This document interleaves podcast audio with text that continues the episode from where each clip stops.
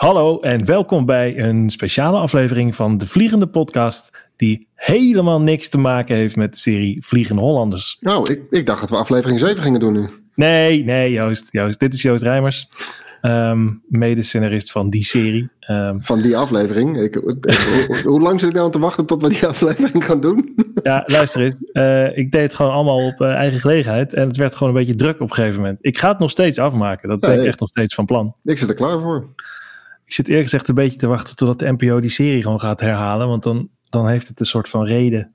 Een, een, een beetje een aanleiding om, om, uh, om die podcastserie af te maken.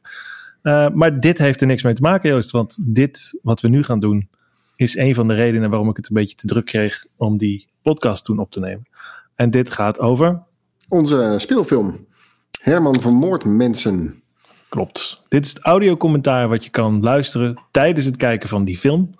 Um, en ik, ik post hem gewoon op de, de vliegende podcast feed. Want uh, ja, die, die heb ik toch en ik betaal ervoor. Dus uh, je hoeft niet te luisteren. Het is gratis. maar vertel eens iets over die film, Joost. Kort, voordat we gaan beginnen met het commentaar. Dus we leggen zo trouwens wel even uit hoe je dit moet timen. Dat het synchroon loopt met de film. Ehm, maar dat doen we zo. Nou, ieder jaar worden er zes telefilms gemaakt. Of althans, werden er zes telefilms gemaakt. Ik geloof dat na de reeks waar wij deel van uitmaken, er nog maar één reeks gemaakt wordt. En dan uh, is het gedaan met het initiatief. Hopelijk komt er iets voor, uh, terug. Uh, films met een budget vanuit de NPO gemaakt voor televisie. maximaal anderhalf uur. En ieder jaar is er een thema waar, waar je een plan voor in mag dienen. En het jaar waar wij dit plan voor indienden was het thema crime. En daar had jij een heel tof basisconcept voor klaar liggen. Ja ik, ja, ik hoef het ook niet echt te pitchen. Want ik, ik, ik neem aan dat mensen die dit gaan luisteren de film gezien hebben. Dat, dat is sowieso wel een, uh, een tip, want we gaan alles verklappen. Uh, maar het, uh, het basisprincipe van de eerste acte, wat daarin gebeurt, dat kwam allemaal heel erg uit autobiografische bron. ja, min of meer. dat was de situatie waar mijn vader in verkeerde. Um, die niet de hulp kon krijgen die hij nodig had. En uh, wij als familie van hem die het daar behoorlijk moeilijk mee hadden. En de magische zin die mijn moeder op een gegeven moment zei: hij kan nog beter iemand vermoorden, dan wordt er tenminste voor hem gezorgd. En dat was een zinnetje wat ik onthield en opsloeg. En toen aan jou pitchte een keer. En uh, toen dat uh, telefilmthema boven kwam drijven, toen eigenlijk los van elkaar hadden we allebei zo'n idee van: daar kunnen we wel wat mee voor een, een film. En die werd uitgekozen. En toen schreef we een script. En die werd ook uitgekozen. En toen hebben we hem gemaakt. En nu zijn we klaar. En nu is hij maandag op tv. het is nu zaterdag trouwens. Het is uh, nieuwjaarsdag. 1 januari. Ja, ja. ja gelukkig dus, nieuwjaar uh, trouwens, uh, Thomas. Ja, gelukkig nieuwjaar. ik heb het niet gesproken. ja. Um, dus dat is in het kort waar wij mee bezig zijn geweest. Of in ieder geval veel mee bezig zijn geweest het afgelopen jaar. Um, en um, nou ja, we gaan, we gaan het over hebben. Uh, dus uh, zullen we eens even gaan kijken hoe we dit timen, Joost? Want de film staat op npo.nl. Hij staat nu al op NPO Plus, maar ik zeg nu al uh, twee dagen voor uitzending. En daarna staat hij volgens mij ook gewoon op. Nou, Google het. Uh, hij staat ergens op NPO. NPO Start, NPO Plus, NPO Uitzending gemist. Uh, ja. Ergens. En um, als je hem daarop opzoekt, dan is het eerste wat je ziet een uh, hoe heet zo'n ding, Joost? Een, een NPO-ident, denk ik? Nee, nee, zo'n uh, uh, leeftijdswijzer. Oh, de kijkwijzer. Kijkwijzer met geweld en taalgebruik. En het is allemaal verschrikkelijk wat we gedaan hebben. dus als je hem aanzet, dan zie je eerst dat. Daarna zie je het KRO-logo. En dan zie je het telefilm-logo. en wat je nu moet doen is als ik straks aftel, moet je ons even op pauze zetten en dan die film erbij pakken. En op het moment dat je het telefilmlogo in beeld ziet, moet je de film weer op play zetten. En als het goed is, synchroniseert dan de hele film met dit uh, gelul van ons. Ja, de tekst die in beeld staat is: deze film kwam tot stand in het kader van telefilm. Deze productie. Sorry, deze productie. Ja, als je dat ziet, mag je ons weer aanzetten. Nou, dit is ook maar een beetje experiment, maar uh, we houden zelf heel erg van audiocommentaren. Um, ik heb er altijd heel veel van geleerd. Uh, de goede in ieder geval. Niet die van, laten we zeggen, Tim Burton, die gewoon 20 minuten aan één stuk stil is. maar, maar uh, David Fincher daarentegen? David Fincher is interessant, Paul Verhoeven is interessant. Ik had gisteren die van Kiss Kiss Bang Bang nog een keer geluisterd. Oh, nice, die is heel lekker. Met Shane Black en Robert Downey Jr. en Val Kilmer. Uh, de beste, daar heb je best wel veel aan als makers. Dus we hopen, we zeggen niet dat dit nou echt de film is... Uh, het, het, het, grootste meesterwerk ooit gemaakt. Dat, dat moet iedereen zelf maar over beoordelen. maar we denken, hopen dat er andere mensen zijn, net als wij, die geïnteresseerd zijn in het proces van het maken van zo'n film. En het schrijven van zo'n film. En wat er allemaal verandert tijdens het maken en het monteren en dat soort dingen. Uh, voor die mensen is dit eigenlijk een beetje.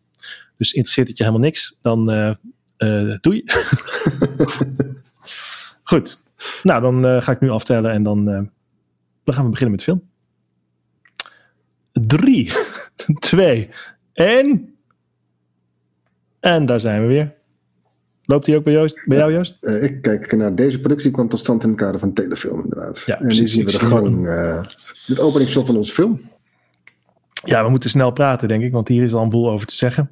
Um, dit, dit, dit, hier moesten we best wel voor vechten. Uh, dit uh, opening shot, niet omdat mensen het er niet mee eens waren, maar omdat het een telefilm is met een beperkt budget. En uh, die lift aan het einde van die gang, die is er helemaal niet. Dat is een bouwsel. En dat lijntje wat je omhoog ziet komen is digitaal. Nou, uh, om kort, lang verhaal kort te maken, dit was gewoon een behoorlijk ding, maar wij wilden graag met uh, de deur in huis vallen en even duidelijk maken wat voor soort film dit was. Alle, alle gangen die we konden filmen op de locaties die we aan het scouten waren, daar stond de lift zeg maar haaks op de gang in plaats van direct naar, aan het einde.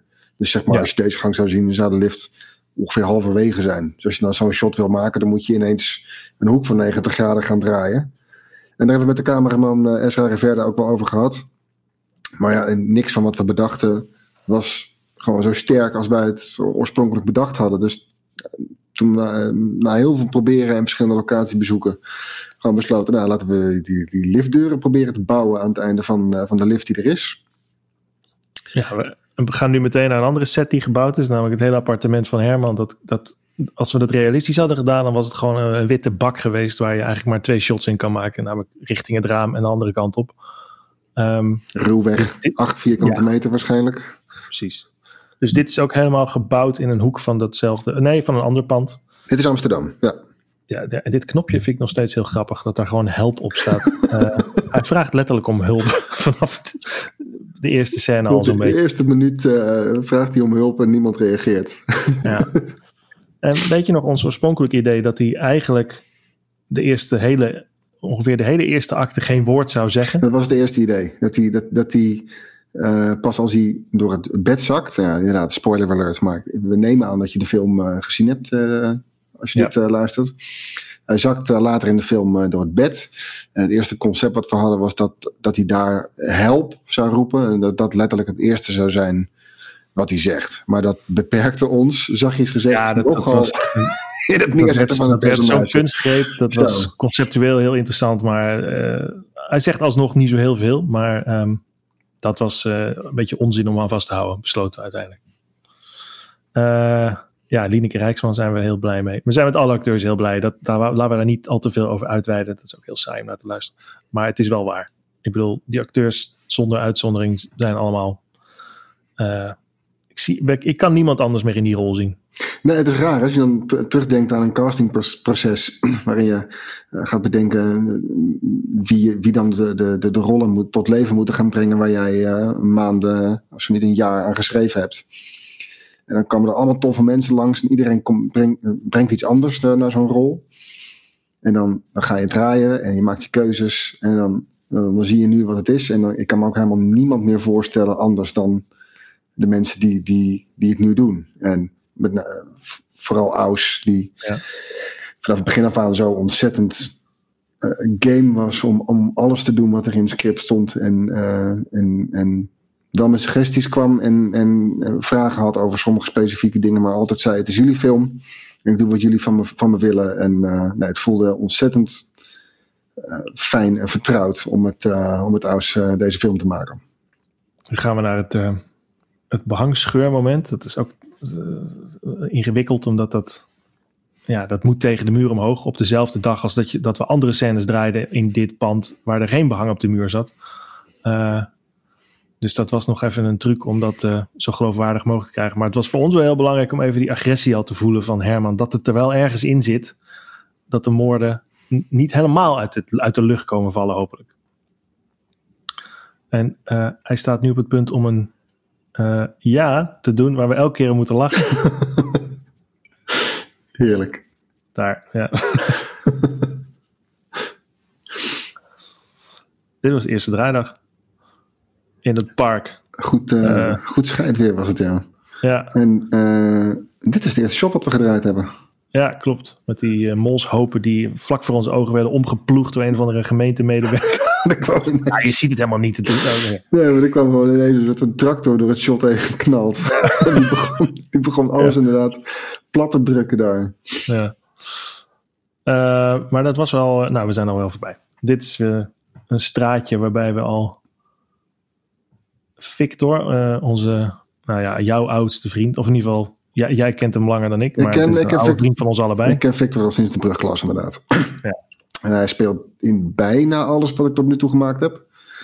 Uh, een soort van uh, kleine lucky charm. En we hebben deze rol ook min of meer gewoon voor hem geschreven, toch? Ja, precies. We hebben hem ook letterlijk genoemd. Dylan. Oh ja. een ander personage wat we ooit voor hem geschreven hadden. Voor een andere telefilm die we uiteindelijk niet hebben mogen maken. Die heet ook Dylan, dus uh, dat was wel vrij duidelijk. Um, en dat zijn wij. Toch mooi, hè?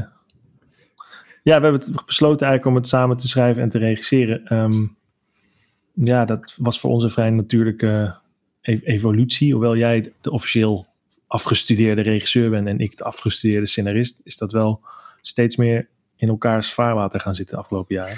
Nou, na, na ons afstuderen al hebben we een jaar lang iedere week een, een klein YouTube filmpje gemaakt om een beetje bezig te blijven met, uh, met het maken van filmpjes. Dat we bang waren dat we anders alleen maar uh, achter een typemachine gingen zitten en nooit meer met de camera in de weer zouden zijn. Dus iedere week maakten we iets korts en dat werd het begon gewoon met één shot en het werd op een gegeven moment zo gecompliceerd dat, dat het ons uh, ontwikkelingswerk weer in de weg ging zitten. Dus zijn we er maar mee gestopt. Maar ik vraag me even, even tussendoor, Joost, want anders zijn we er alweer voorbij. Nou ja. Ik vraag me af hoeveel mensen Karim daar zien zitten in zijn scootmobiel. Ik denk. Want hij zit er. Dit is zijn introductie, maar die hadden we eigenlijk overdag gepland. Uh, maar de dag ging iets sneller uh, dan we gehoopt hadden. Ik vind hem wel lekker werken s'nachts, gewoon als gevoel. Hij zit ook, deze scène, die scène zit ook op een andere plek. Ja. was eigenlijk eerder veel meer richting de moord. Precies. Um, maar uh, sorry, ik onderbrak je. Nou ja, die, die filmpjes maakten we echt gewoon helemaal met z'n tweetjes. Dus als ik in beeld was, dan draaide Thomas en andersom. Dus in, in dat jaar uh, vervaagden de grenzen al behoorlijk. En in de afgelopen 15 jaar waarin we met elkaar hebben samengewerkt, uh, veel schrijfwerk samen gedaan. En dit voelde ook wel als een tof project om ook met z'n twee echt de set aan te gaan pakken. Ja. En het ging echt te gek. Ik vond het echt superleuk om het samen te doen. Ja, ik vond het ook best aardig. nee, ik vond het ook te gek. Ik hoop dat we het nog een keer uh, kunnen doen. Um, terwijl we kijken naar deze scène, waarvan we voornamelijk de overgang heel grappig vonden naar daar naartoe. Van het woord wijf naar Lieneke Rijksman. Uh, maar de houding waarin ze zit, we hadden er heel anders voor ons gezien. Weet je nog? Ze zit letterlijk met de rug naar Herman toe. Mm -hmm. En toen bleek volgens mij op de draaidag, of ik weet niet meer, tijdens de decoupage, dat Ezra daar een heel ander idee over had. Waar we eigenlijk behoorlijk van overtuigd moesten worden. Maar ik vind het nu heel goed werken. Nou, het oorspronkelijke concept was dat hij ook aan tafel zat, in ieder geval. Oh ja, dat was het. Uh, en het was inderdaad Ezra die gewoon qua, qua mise en scène zoiets had van... Je moet gewoon visueel gaan vertellen uh, hoe, hoe, hoe bokkig deze man is. Zonder dat je alleen maar een frontaal shot van hem kan maken waar hij zijn schouders opgetrokken heeft. Wat we nu zien. nou ja, maar als, ja, nee, ik snap het. Dat hij gewoon naast zijn dochter zit als een lukkig mannetje. En, en nu haal je ze echt uit elkaar. Oh, deze, die, deze oogjes van Aus. die angst. oh god, vogelhuisjes. Ja, ik ben heel blij met deze scène. Ja, te gek. En, en dit is ook gewoon min of meer letterlijk de frustratie die jij jarenlang gevoeld hebt met de situatie van jouw vader, toch? Dit, dit, dit, is, dit, dit stond al in versie 1 en is nooit wezenlijk veranderd volgens mij. Nou nee, maar dit, dit was de openingsscène. Of is iets zoals dit was de openingsscène oorspronkelijk. Ja, ja. Oh, dat weet ik niet eens meer. Ja, want toen hebben we op een gegeven moment hebben we met iemand gepraat die uiteindelijk niet de rol heeft gekregen. En wat we wel van hem gejat hebben, is het idee dat je voordat je hier komt, wel iets moet zien van wat de situatie was daarvoor. Waar die mm -hmm. ongeveer vandaan komt. En dat vandaar zit de, de, de, de, ja, wat eigenlijk nu een proloog is. En dan de sprong naar drie jaar later. Eh, dat was eerst niet. In de eerste versie was dat niet. Ja, ja. Dan knalden we gewoon hier rechtstreeks in. Had misschien ook gekund, maar ik, eh, nou, ik kan het niet anders meer zien. Nee, precies. Oh, dat tikken. Ja, nee, dat is allemaal heel herkenbaar. Die haperende laptop uit eh, 1998, zeg maar. En eh, Ja, qua geluid had dat, dat toen ik laatst zat te kijken, dat dat voor mij nog wel, die laptop had nog wel extremer gemogen voor mij. nog meer mogen blazen. Echt, nou, Ja, of ja. dat gekraak van zo'n zo'n kutharde schijf en gewoon zo'n vastlopende blazer inderdaad, dat voor mij nog wel wat extremer gemogen. Nou, een kleine eh, preview van wat er nog komen gaat. En, eh, ja, het is niet eens een flash forward, maar het is wel... Ik hoop dat het intrigeert, dat je wil weten wat er precies achter die foto zit. Ehm, maar we komen nu aan het eind van deze scène. Met een klein stukje improvisatie van Lieneke. Het is, het is allemaal behoorlijk wat stond in het script. Maar er zitten een paar momenten in waarbij acteurs eh, iets anders deden dan wij gedacht hadden. Of gewoon dat we ze meer de vrije eh, hand hebben gelaten. En dat zijn eigenlijk de momenten waar we het meest om moeten lachen. Dus in, eh, uiteindelijk kan alleen meneer meneer helpen, niet van eh, Lineke. Ja, dat, dat zat een beetje te workshoppen op de set nog. Ja, inderdaad. Daar kwam zij uiteindelijk mee. Ja. ja, dit moment van Fokkeline vond ik in de script altijd al te gek werken. Dat ze huilend Ja. al die, eh, die flessen aan het weggooien is. Echt te, Ja. gek, te gek shot nog steeds. Ja, niet, niet zeggen dat het, het was geen gl- glasbak, maar Oh ja, het was gewoon een was gewoon een ja. vuilnisbak, maar Ja. we hebben er wat gerinkel onder gezet. Dit zat er volgens mij ook al vroeger in. Dat idee dat de gang vol hing met ehm, Gekke schilderijtjes. gekke schilderijen die iets symbolisch... Nou, het is heel subtiel. over eh, de reis van eh, Herman eh, zouden zeggen. Ik weet niet wie dit is hier, maar... Ik, dit is eh, denk wel de beste acteur van de film. Nee, die komt nog, toch? die komt als je in de gevangenis. Ik ben altijd wel blij als dit moment voorbij is. Ik vind het heel leuk dat, dat we allebei in de film zitten, maar het is ook Ja, ja. je voelt je ook meteen weer zo overgeleverd aan, aan, nou, aan alles eigenlijk. Het- Ik bedoel, op het moment dat ik in dat shot stond, eh, als de zakenman met oortjes in, dan zit, sta ik niet achter de monitor. Dus ik was heel erg meteen aan Joost aan het vragen, was het goed? Moet ik iets anders doen? Meteen. Ik van heel, En jij was ook echt... meteen heel angstig van. Jij zat ook echt in een scène. Ik zit gewoon in een, in een video-opname, een, film, Nee, een is televisieopname. Dat, en, ik, en ik had nog de grootste moeite met mijn tekst van iedereen in de film, geloof ik. Oh ja, dat is waar ja. Jezus, dat duurt het lang. niet. Ja, daar komen we straks wel. Ja. Ben, eh, ben Kramer, Thomas. Ben Kramer, Wat een- Leni Bredeveld, Jetty Maturel. Dat- Alle Dat hele is zo. legendes. Wat een lekker stelletje. Ehm, en het feit dat hij de hele tijd in de reden wordt gevallen, dat... eh, Ja, dit, dat idee dat hij hier gewoon eigenlijk nooit aan het woord komt, is wel een, een leuke overblijfsel van het concept dat hij eigenlijk pas tot, tot begin van de tweede acte eh, zijn mond open zou doen.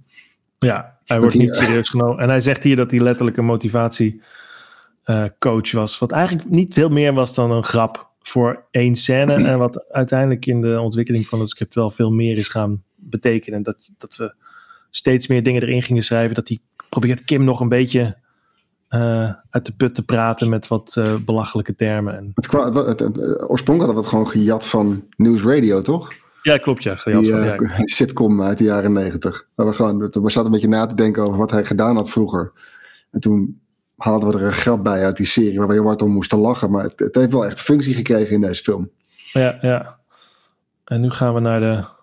Dit was nog wel tricky. Zo. Dit hadden we geschreven als ook wel echt een behoorlijke over de top scène met eh, eh, behoorlijk wat. ja, hoe zeg je dat nou? Extreme camerahoeken.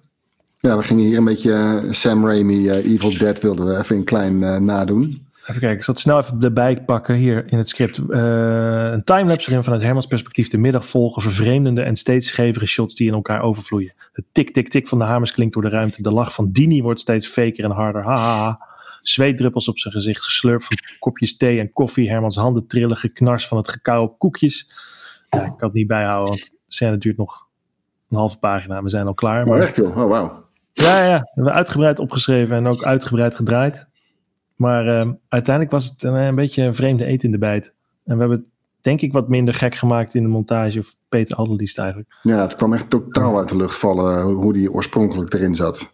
Dus Ja. echt naar zat- te kijken. En de, de zuipsequentie hierna was ook nog best wel een stuk extremer. Ja, dus het waren ja. wel echt twee scènes achter elkaar waarbij veel mensen die bij ons in de edit kwamen kijken echt dachten, wat, wat gebeurt er allemaal? Joh? Ik kan het echt niet meer volgen. Dat hij die hamer mee heeft, dat, dat vind ik nog steeds een heel leuk ding. Dat hij, hij krijgt de hele tijd moordwapens aangereikt. Te grappig. En dit was ook, ik weet niet waarom dit zo gedoe was, deze hele sequentie. Uh, en nog steeds voelt het niet helemaal alsof, het echt, alsof hij een hele avond zit te zuipen. Ik weet Nee. niet zo goed. Ik weet ook niet wat we hier nou ehm, qua tijdsverloop beter in hadden kunnen doen. Nee. Ehm, het oorspronkelijke shot wat we bedacht hadden was dat hij in zijn stoel gaat zitten, een, een fles opendraait en de fles naast zijn stoel neerzet. En dat we dan een, een overvloeier maken naar drie lege flessen naast, zijn- naast zijn eh, stoel. En dan weer omhoog gaan en eh Ja. en onderuit gezakt zien zitten. Dit vind ik dan nog steeds een heel vet moment. In, ineens dat shot van de, de Ja, jonge het Herman. stond- Het script stond ook later, op het moment dat hij door zijn bed gezakt was, pas volgens mij. Ja, Maar dat is allemaal wat meer door elkaar gaan lopen. Ehm, een rare dronken koortsdroom eh, geworden. En ja, de precies. jonge met dat Herman wordt gespeeld door eh, letterlijk Ja. de jonge Aus. Aus eh, junior, de zoon van Aus senior. Ja, dit, deze shots hebben we niet zo gepland, dat ze allebei zo gaan liggen. Nee, Maar het kwam wel, het heeft Peter eh, gevonden in de edit. En Had dat ze- eh, door het bed zakken, ja, dat is, ik heb hem, ik heb, nou ja, hè, ik heb mijn vader een keer zo aangetroffen. Die gewoon letterlijk niet meer zijn bed uitkwam. Dus dat was wel een van de vroege ideeën die ook al in het filmplan stonden. Eh, alleen duurde dit wel langer. Oorspronkelijk gingen we, sneden we van, hij kan er niet uitkomen. Flashback ehm, naar dit moment, naar eh, dag, hij zit nog steeds vast en de tv staat nog steeds aan. Naar nacht, hij zit nog steeds vast. En dan de volgende dag zou zijn dochter hem pas vinden. Maar dat, eh, ja, dat werkt gewoon niet. Ik weet niet waarom eigenlijk. Weet jij het nog? Nou ja, het, het, het vers- eh, eh, ook dat weer. De, de, de sprongen voelden niet groot genoeg. Je had niet het gevoel dat er hele dagen verstreken. Nee. Ehm, en, we, en we probeerden er een beetje een grappige Edgar Wright eh montagesequentie van te maken. Maar nee, die kwam niet over zoals we hem bedacht hadden. Nee, maar nou, wat we nu hebben, dat eh, het, het komt min of meer op hetzelfde neer. Maar het is gewoon een beetje, beetje vervormd. Goeie, goeie stemming hier bij de Astro TV ook trouwens. oh ja, die hebben wij gewoon als een temp-ding opgenomen en nooit meer iets aan gedaan. Nee, precies. Nou, hier, eh, hier zien we hem om hulp vragen. En Ja, precies. komen we erachter dat hij eh, zijn contract nooit getekend heeft. Nee, dit was ook een gedoe met die twee tv's. Ze wilden heel graag dat er een andere tv in zijn kleine kamertje stond. Maar ja, dan moet je allemaal, weet je, we moesten die beelden dan clearen. En die moesten we dan op twee tv's tegelijkertijd met een lichte vertraging afspelen. En nou ja, ik weet niet, het was een heel gedoe. was een- Ik ben blij dat ze hem hier uitzet. Ja, maar een boel gedoe voor iets waarvan ik me afvraag hoeveel mensen het nou echt meekrijgen. Maar- Nee, dat weet ik. Maar de- dat, dat, dat, dat kutmuziekje op het moment dat zij binnenkomt, daar ben ik nog steeds wel heel blij mee. en dan gaan we nu naar wat misschien wel een van de meest dramatische scènes is van de film. Die IKEA-scène, zoals we hem noemen. Nou, laat ik het zo zeggen. Ik denk dat we hem eigenlijk een stuk minder dramatisch hebben gemaakt in de montage dan die was. In Ja, eerste, tijdens, in de tijdens, instantie. de, tijdens de opname werd hij ineens eh, heel zwaar. En ik vond het heel mooi zoals hij gespeeld werd. En we keken elkaar ook wel echt aan bij het draaien. Van dit is, dit is goed toch? Het is vet dat, het, dat dit echt even binnenkomt. Ja, maar maar, de en ook edit- hele... Sorry. In de edit merkten we ook zeker in, in de overgang naar de scène die hierop volgt. Dat je, dat je gewoon echt dacht, ja, spring maar van die brug. Want eh, die, die, die, eh, Ja. ja, hou, hou er maar mee op. Ehm, en, en dat heeft Peter de editor echt wel goed gedaan door, door echt wel een, een, een heel duidelijk punt te maken van ik denk dat deze scène korter en, en veel minder zwaar moet. Ja, want dat ik is, en dat een van de, van de weinige echte darlings waar ik wel echt even van moest slikken toen hij eruit gekn- geknald werd. Gewoon de, Ja, hij, was, hij kwam gewoon op de set al heel erg binnen. Ja. eh, Fokkelien die haalde het echt uit de tenen in elke take. En, en we hadden eigenlijk een hele andere decoupage bedacht. Maar zij, wat ze nu gaat doen, zij leunde, ze sprong in één keer op hem af en greep hem. En dat was, was niet, hadden we niet gepland qua decoupage of zo. Maar we, we dachten allebei, ja, dat, dat moeten we wel doen. Want dat, dat werkt wel. Maar uiteindelijk hebben we ook het einde van die scène afgehakt. Zodat deze Ja. overgang een stuk grappiger is, hopelijk. Ja, met de muziek van, eh, van Robin Assen, die ook al eh, drie, eh, twee projecten van ons hiervoor gedaan heeft. Ja, ik vind dit heel grappig. zo, zo Ja, naar. het is heel zwart. Het is, heel heel zwart. zwart. Maar iemand die een, een pleeg geen zelfmoordbord gebruikt om zelfmoord te gaan plegen. ja. Hey, het is allemaal zwaar genoeg. Maar gewoon een beetje, een beetje lachen om gekke dingen, toch? Ja, dit was ook een dagje. Je, je, ziet het niet echt meer, maar er was een gigantische hagelbui vlak voor en vlak na dit shot zo'n beetje. Ja, dit was echt uh, Game of Thrones wat over ons heen werd, uh, over ons heen kwam gewaaid. En dan sta je met Aus die echt alles wilde doen en zelfs over die brug heen hing. Hij zat wel aan een touwtje wat we hebben digitaal is weggepoetst, maar, maar toch. Hij, uh, ging. dat is van, nou, we zijn benieuwd hoe ver we, hoe ver we zijn voet over de rand kunnen krijgen, maar hij hing er echt helemaal overheen. Dit was een trein oorspronkelijk, weet je nog eens? Ja. En wij zouden voor een trein uh, gaan springen en het dan op het laatste moment niet durven. Maar dat, dat, kan, dat mocht gewoon niet. Het was, geen, het was gewoon meteen een no-go qua uh, NS. Ja, en we kwamen er qua beeld ook niet helemaal uit. Dat hij dan, als de trein voorbij was geraast, opkeek. En dan dus, zoals nu, Kim aan de andere kant zou zien staan. Ja. Um, ja, als je, ja, als je dan een beetje bij een, bij een echte spoorwegovergang gaat kijken, dat je denkt, maar ja, je zou elkaar gewoon.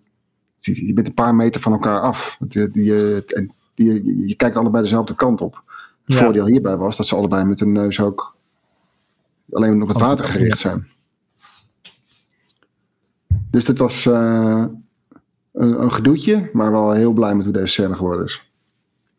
Dus we hebben, we hebben, we hebben Kim, het personage, al een keer gezien terwijl ze de grond lag in haar eigen huis. En hier. En dit is eigenlijk de eerste keer dat we er echt horen praten. De, eigenlijk de eerste echte scène met Melody Klaver. Ja. En in de eerste versie van het script was het eigenlijk ook een heel ander personage. Ik wou net gaan zeggen. Een, een, veel belangrijker personage was uh, Kim's zoontje. Hoe heette hij? Kevin. Kevin. Heette die. Uh, ja, het, het was eigenlijk, Herman kreeg eigenlijk veel meer een soort van vaderrol voor dat jongetje dan. Een soort van opa-rol, uh, ja. Een opa-rol, ja. Dan een vaderrol voor Kim. En uh, het was ook aan het einde. Hoe zat het? Oh ja, het was, het was hij die uiteindelijk Kim ging vermoorden. Ja. En uh, terwijl Kevin boven in zijn kamertje lag te slapen. Ja. En hij deed dat dan voor zijn dochter. Maar dat was, het, het, ik weet niet, het, die hele driehoek tussen Kim en Natalie en Herman, die werkte eigenlijk gewoon helemaal niet. Omdat er gewoon een, een, een vierde wiel bij zat. Nou, vijfde wiel, maar een vierde persoon. Ja, en het, en het einde werd heel... Het einde is nu ook heel naar en zuur. Maar toen uh, een jongetje bleef leven. En die lieten we letterlijk in een politieauto uh, wegrijden. Terwijl zijn moeder uh, net was vermoord en zijn vader al was vermoord. Ja. Uh, echt geen idee wat we daar nou mee wilden ik bedoel, uh, zoals uh, Dick Maas zegt, uh, voor boodschappen ga je maar naar de Albert Heijn. Maar wat we daar nou mee wilden ze zeggen, heb geen idee. Het was gewoon alleen maar heel erg kut. maar zo, ja. het wel heel, heel veel plezier geschreven. En het was vooral qua introductie van hij zoekt iemand die het, die het verdient, tussen aanhalingstekens, om vermoord te worden. Ja, en een vader die zijn zoon in elkaar hoekt, is gewoon was al meteen visueel ook duidelijk. Dat, dit ook wel, precies. maar dat was nog erger op de we, een andere We hoefden daar minder ons best te doen om, om duidelijk te maken. Oh jeetje, Jezus. Het is Joost Rijmers als uh, gevangene. Had je een naam? Nee, hè? Nee, maar gewoon gevangene. Met je, met je coronakapsel. Ik, uh, ik wilde voor het draai nog even naar de kapper gaan, maar uh, ik appte nog net op tijd Thomas van... Is het grappiger als ik een gedetineerde ben met dit bizar lang haar? Voor mijn doen dan. Ja. En uh, ja, de, de, regisseur vond van wel. Dus dan, ja, uh, dan geef je daar maar aan over. Ja, ja het, ik vraag me altijd af op welk punt mensen die helemaal niks van die film weten... los van de titel, want die geeft al wel iets weg, maar dat is expres. Uh, de film heette trouwens anders. De film heette uh, tot aan het draaien zo'n beetje. Ja, tot aan de montage zelfs. Zeker, in de montage heb je, kwam jij met het idee voor deze titel. Ja, hij heette Herman Seriemoordenaar tegen wil en dank. Wat een behoorlijke mond vol is. Maar wel opvalt. In ieder geval, dat was, een beetje, dat was eigenlijk het enige idee wat we ermee hadden. En we hadden het idee dat er een betere titel mogelijk was. Maar we wilden wel... Kijk, die hele eerste acte gebeurt eigenlijk niks qua moord. En we wilden wel een beetje de verwachting wekken van... Uh, blijf, blijf, blijf kijken, want er gaat iets gebeuren. Het wordt. Uh, uh, stop de scooter recht voor de deur. Ik haat, ah, ik haat scooters. Uh, een soort van. er gaat iets gebeuren, jongens. Ge geef ons even 10, 20 minuten en dan, dan wordt het leuk. ja, als je die film alleen maar Herman had genoemd, wat ook al een paar keer voorbij kwam als optie, dan, had je dat, dan heb je dat gewoon niet. Moet je eens even kijken naar deze. Kijk, dat licht was aan. En nu is het licht uit naast die deur. En ik snap niet dat niemand, inclusief wij en de editor, en niemand heeft dat ooit gezien. Ik vind het gewoon heel grappig. Ik heb nog even overwogen om, dat, uh, om daar even een, uh, een, lijn, een, lijntje digitaal te trekken om, uh, om die twee shots met elkaar te combineren. Maar hij gaat er wel met het mes over die lamp heen. Dus dat was erg duur geworden om dat te fixen. Maar wat ik nou wel zei, dit vind ik ook trouwens zo'n raar shot. Dit, dit, ik vind het heel tof dat het ingaat en weer uitgaat, maar het slaat nergens en dit was een timingsding waar we heel erg op zaten te puzzelen. We wilden echt dat het, het shot stil stond en de muziek ook stil stond tot het moment ja, dat alles weer tegelijkertijd in beweging komt hier. Op het moment dat hij terugloopt om toch nog even die regenjas te halen zoals Gerda hem uh, uh, de tip had gegeven. Ik vraag me altijd af op welk punt mensen doorhebben dat hij iemand gaat vermoorden. Uh, Denk je niet op het moment waarop je zegt: Ik ga iemand vermoorden? ja, nee maar, nee, maar er zitten een paar. Ja, misschien, hadden we dat kunnen in, misschien hadden we dat kunnen inklinken, maar er zitten een, een, paar momenten waarbij je. Hij zegt tegen Kim: Zorg dat je weg bent vanavond. Nou, dat is wel een behoorlijke beat. Uh, op het moment dat hij hem uit het raam zit te bekijken, dat is een behoorlijke beat. Ik weet niet, het bouwt op naar iets onvermijdelijks, was onze hoop in ieder geval. Nooit, uh, nooit helemaal overtuigend gevonden dat die rollator daar vast komt te zitten in de modder. Nee. Maar fijn. We hadden het nogal nodig. Het was echt, echt een lekker shot gevonden. Ja, het is nogal een plotding. Dat die uh, rollator blijft hangen. Mm -hmm. Je moet er wat heel wat om lachen. het mesje weer omlaag gaat op een gegeven moment. Ja. Helemaal oppompen, helemaal spannend. En dan zo. Ja. Oh. Ah, shit. Oké, okay. sleutel vinden. Eerst, hij, hij, ja, Aus keek op vier plekken volgens mij, maar eigenlijk meteen maar dit. Ja, ja ik, ik vind die eerste moord heel lekker. Uh, raar woord, maar het is, het is echt over de top. Ik bedoel, uh, ik kan niet echt uitleggen waarom Dylan hem niet hoort terwijl hij in zijn kamer staat. Uh, deze flash forwards, dat was eigenlijk een soort van uitvloeisel van een ander idee van jou, toch? Wat dan? Nou, die, die flitsen van Dylan die we zien. Maar daar kwam Ezra mee met dit, met deze, dit idee. Was dat het? Oh ja, maar toen, toen zouden we nog door de, door de gang heen rijden met een lange rijen, maar we hadden, we hadden helemaal geen gang. Ja, precies. Echt een mini-gangetje dit. En dit is ook weer een samenraapsel van, van drie verschillende plekken, uh, exterieur en interieur. Ja. En, heel... en deze bruiloftsvideo is ook ontzettend gedoe geweest. Wat je echt niet, dat zie je er niet aan af. Maar wij wilden eigenlijk Dylan op het laatste moment nog net een, een randje iets sympathieks meegeven. Uh, dat hij op zijn minst verdrietig is dat zijn vriendin, vrouw, bij hem weg is. Eerst had hij echt uh, voetbal te kijken. Ja. En toen dachten we, is het super grappig als die, uh, als die, als die echt gewoon gebroken hardheid van dat Kim weg is. Maar goed, het was nogal een technische avond dit. Met die tatoeages en ook nep. Uh, nepmessen, echte messen. Die tv, uh, wat we straks gaan zien, is dat hij met zijn hoofd door die tv heen ging. Dat is niet een visual effect, dat is een timingsding. Ik bedoel, uh, Victor ging echt met zijn hoofd tegen die tv. Op exact het moment dat er een barst in beeld verscheen. En natuurlijk, en natuurlijk het bloed. Ja, dat ja, nog een dingetje was. Maakt het ook niet makkelijker. Pistool erbij. Nee, het was een uh, interessante avond dit. Ja.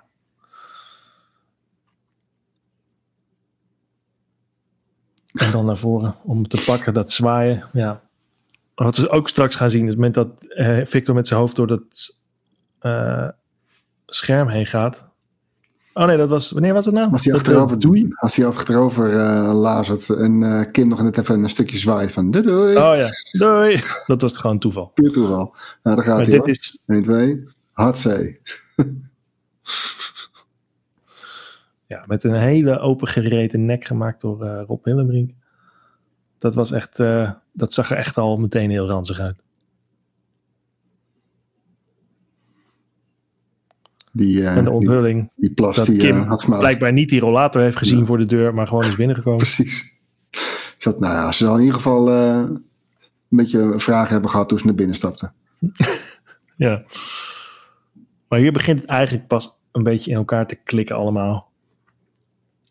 Eh, heb ik elke keer zelf het idee als je die film zit te kijken. Toen je een beetje snapt wat we gaan doen, deze film. Ja, nou eigenlijk helemaal, het is helemaal niet eens echt waar wat ik zeg. Dat is, dat is eigenlijk pas op het moment dat hij straks probeert zich aan te geven. Nou, daar zit hij vrij snel achteraan. Ja, dat is wel waar. Ik wil nog even wijzen op het touwtje van Aus. Oh, die tussen de deur. ja, het touwtje van die poncho blijft tussen de deur hangen. Daarom zie je hem ook niet weglopen. Hij blijft gewoon in de gang staan. Hup, oh, nu is het weg. Maar in totaalshot zie je het nog. Totaalshot eh zie je nog een touwtje hangen. En Victor's voet die... eh, Daar staat. Aus. ja, dit vonden we belangrijk. Dat, je, dat we zonder aandacht aan te besteden... dat we wel lieten zien dat er dus niks gemaakt wordt in dit huis. Dus ze hebben wel een haakje opgehangen... voor een, een, een kledinghanger om die lift open te krijgen. Maar ze maken, niet, ze maken die lift niet. Hier heeft hij weer een wapen gekregen. oh ja, wat heb ik alweer bij me? Eh oeps. En dan nu de overgang naar... We hebben nog een discussie gehad. Moeten we de, moeten we de haan doen of niet? ik, eh, Jij bent heel erg voor. Ik was is heel erg voor. ik was heel Ja. erg voor de haan. Ja. Het is zo... Zo over Maar je had ook midden in de stad een haan. Toen als ik in. Amsterdam-Oost woonde, toen eh, hadden ze op de binnenplaats daar gewoon een hele kippenren. Met een haan. Dus Ja. het is niet heel gek. Maar het is Nee, wel, in zo'n nou. film, is het wel behoorlijk... eh, wordt iemand wakker. Uh, uh. En wat we nu gaan doen is eigenlijk de eerste keer dat we naar iemand anders zijn perspectief snijden. Nou, dat is niet waar. We hebben ook al Nathalie in de eigen huisje gezien. Heel even, ja. Maar dat is heel kort. En nu ontstaat er een soort van eh estafette dingetje. Dus we gaan nu naar Kim. Eh, die kijkt, ik moet hier elke keer lachen. dat het ook even in slow-mo gaat. Ja. Dus we waren bij Kim en nu gaan we naar Herman. Ehm, die geeft het. eh, nou ja, we- zullen het zo wel even benoemen elke keer. Maar er zit een soort van. Dit leidt tot dit, leidt tot dit, leidt tot dit. eh, motoriek onder, wat, wat we heel fijn vonden in de Ja, scriptvorm. de, de, de, Eh, de, de, de agenten die nu voor aan, aankomen worden gespeeld door Emmanuel Owen Bravo en eh, Hans Sibbel. En Ja. Hans deed bij de, de zogenaamde additional dialogue recording, oftewel de, de studio-opnames waarbij je nog wat extra zinnetjes inspreekt om wat gaten hier en daar op te vullen of zinnetjes in te spreken die net niet verstaanbaar waren. Vroegen we hem, ja, kunnen jullie een beetje, een beetje gebabbel doen voor als jullie bij de deur staan te wachten als Herman aankomt lopen? En een van de dingen die, die Hans zei was, ja, jongens, het, het moet toch een keer lukken. ik, denk niet dat iemand dat ooit gaat horen, maar wij, Nee. wij iedere keer als wij die film zagen, schoten wij keihard in de lach dat deze doorgewinterde, regisseur kennelijk nog nooit een moord heeft opgelost. En komt nu letterlijk de, moord, de moordenaar van de moord die het nu aan het onderzoeken is, staat voor zijn neus en hij stuurt hem naar huis. ja, het ik zou zo een hele serie over deze twee regisseurs willen zijn. Heerlijk. Ze heten ook, dat hoor je nooit in die film, maar ze heten Van Oud en de Jong. Oh god, En, eh, dat was ik alweer vergeten. En de jonge regisseur heet Van Oud en de oude regisseur heet De Jong. Eh, Wat vooral heel irritant was bij het cast. ja, dat is wel waar. Nou ja, dit is volgens mij ook alweer een motorisch momentje waarbij je denkt, oké, dus Gerda die... Ja, Jetty is, wel goed.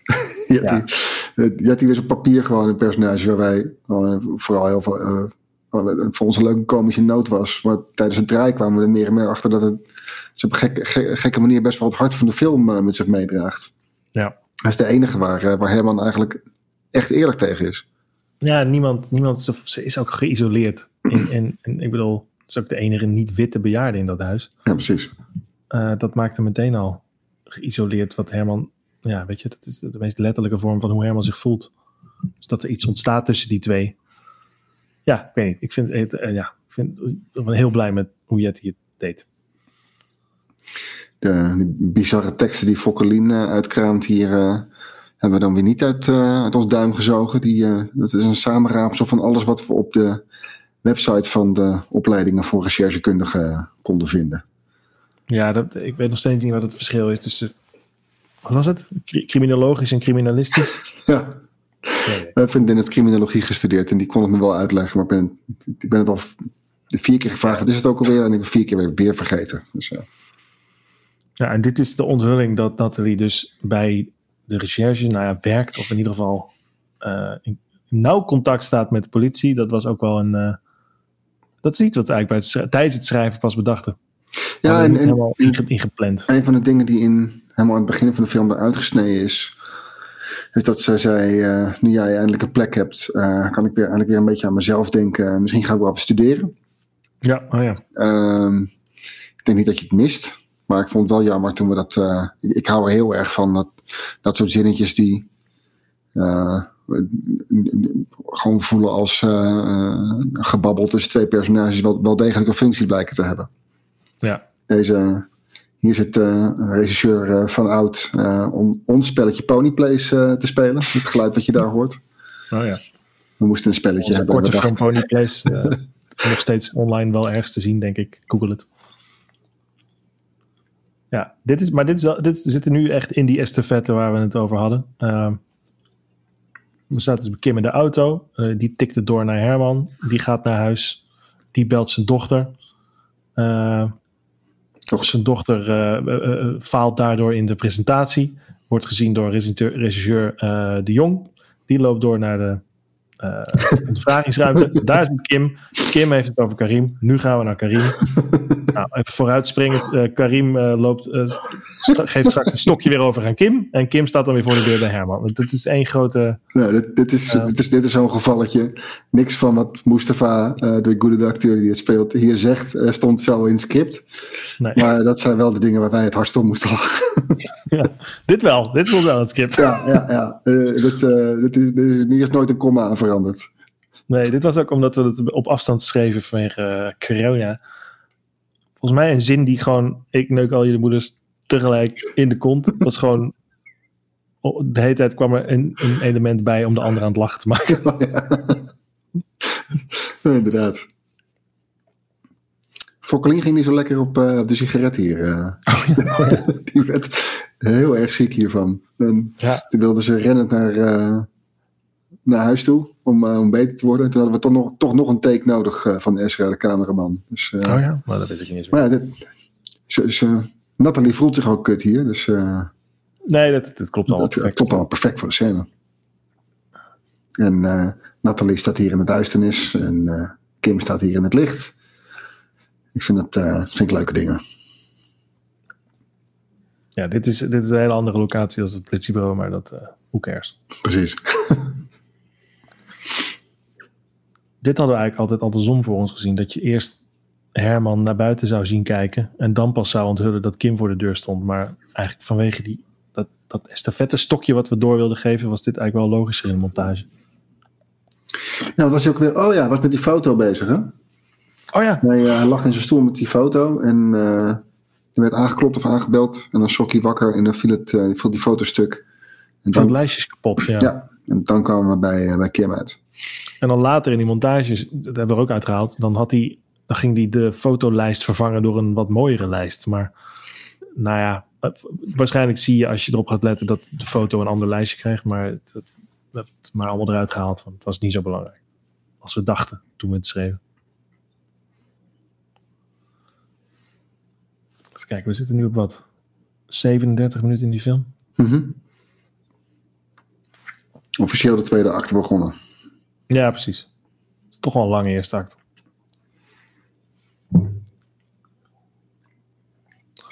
Maar goed, dit is ook wel het moment waarbij we. Um, nou, ik heb eigenlijk geen idee wat ik wil gaan zeggen. Dus ik begon aan een zin en ik dacht, ik heb helemaal niks te melden. Ik zit gewoon Ja, we, we, we, gaan nu de, we gaan nu het bruggetje slaan naar uh, de, de schoenen van Herman. Ja. Wat ook zo'n dingetje was waar we zelf uh, in het begin gewoon heel hard om moesten lachen. Uh, een, een, leuk idee dat zo'n oude man op veel, veel te flitsende sportschoenen rond zou lopen. Maar dat werd terwijl we door gingen schrijven uh, een best wel belangrijk plotelement.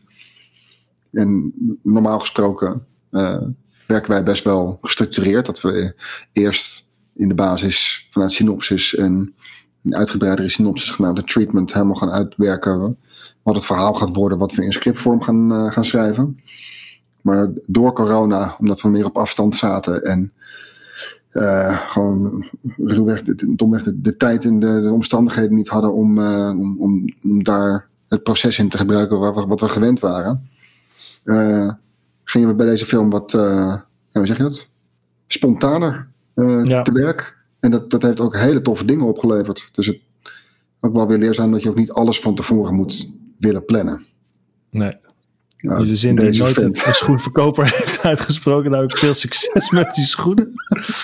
Het stond ook niet in het script, maar ja, het is een aardige man. Die werkte daar echt en die heeft het gedaan. En dat was. Uh, uh, ik moet elke keer om lachen. Ja, ja. Wat ik zo knap vind van Oud is dat je ook wel. Ik weet niet, op een of andere manier aan zijn houding ook wel ziet dat hij nu al iets mobieler is dan in het begin. Dat, dat, was, dat was waar hij het voornamelijk ook over had in het begin. Dat hij wilde geloofwaardig maken dat hij op een gegeven moment gewoon normaal loopt zonder rollator of wat dan ook. Uh, dus dat gaat allemaal vrij geleidelijk. Maar uh, want zeker als je zo'n film draait over uh, een periode van 20 draaidagen, dan af en toe even terugpakken waar je bent in het verhaal. Oké, nu zien iets minder mobiel, nu iets meer. Uh, maar het, volgens mij uh, hebben we daar nooit in de montage echt problemen mee gehad. Dat er iets niet klopte. Nee, er was wel één moment wat van andere. Oh ja.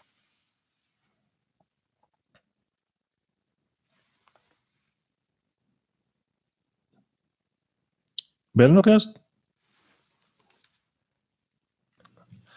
Ja, en daar zijn we weer terug. Het was even een technisch probleem. Uh, want we nemen dit over, op over internet. En ik dacht even dat ik alle files kwijt was. Maar valt mee.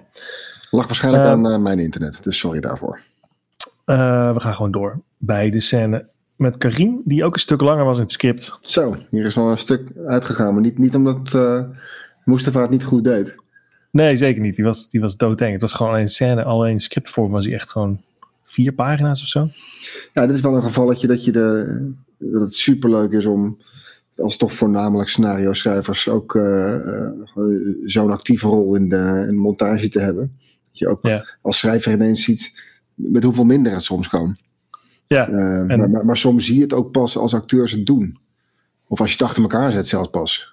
Ja, het was eigenlijk gewoon meteen duidelijk op het moment dat je hem ziet. Oké, hier moeten we heel snel over gaan praten, deze montage. Want dit zijn heel veel korte shots die we allemaal... Oké, die shots van het boekje, die hebben we zelfs later gedraaid als pick-up shots. Bij Aus Thuis? Uh, bij Aus Thuis. Uh, omdat we in de edit achterkwamen. Het is helemaal niet echt duidelijk wat hij nou precies in het boekje zit op te schrijven. Ja, precies. Uh, en gelukkig kon dat bij Aus Thuis met een hele kleine mini-crew. Kregen we daar nog wat ruimte voor om dat op te vullen. Hier auto's komt van mijn broertje. Mijn dochter de, voorbij. Dat is de, oh. COVID, de COVID-manager die in Aus gezicht blaast. Wat ik ook heel grappig vind. Um, ja, en hierin hadden we dus een nog groter verloop van Herman uh, weet niet zo goed wat hij met zijn leven aan moet. Nou, Herman heeft weer een doel in zijn leven. Uh, het, Sorry, ik moet lachen met het boekje. Oh ja, het ginnetje hebben we er nog een keertje extra onder gezet. Ja. Uh, maar inderdaad, het, het, repareren van de foto. En er was nog iets dat we eruit gehaald hebben, volgens mij. Ik weet niet meer wat. Ja, het, het, het, krijgen van het nieuwe lijstje en zo. Ja, oh ja. Dus die zou met de, met de post bezorgd worden. En, en zijn uh, huis zou er ook... Nou, het is wel waar. Zijn huis ziet er beter uit. En hij heeft zo'n behang gemaakt. Dat was voornamelijk belangrijk. Zeker. Uh,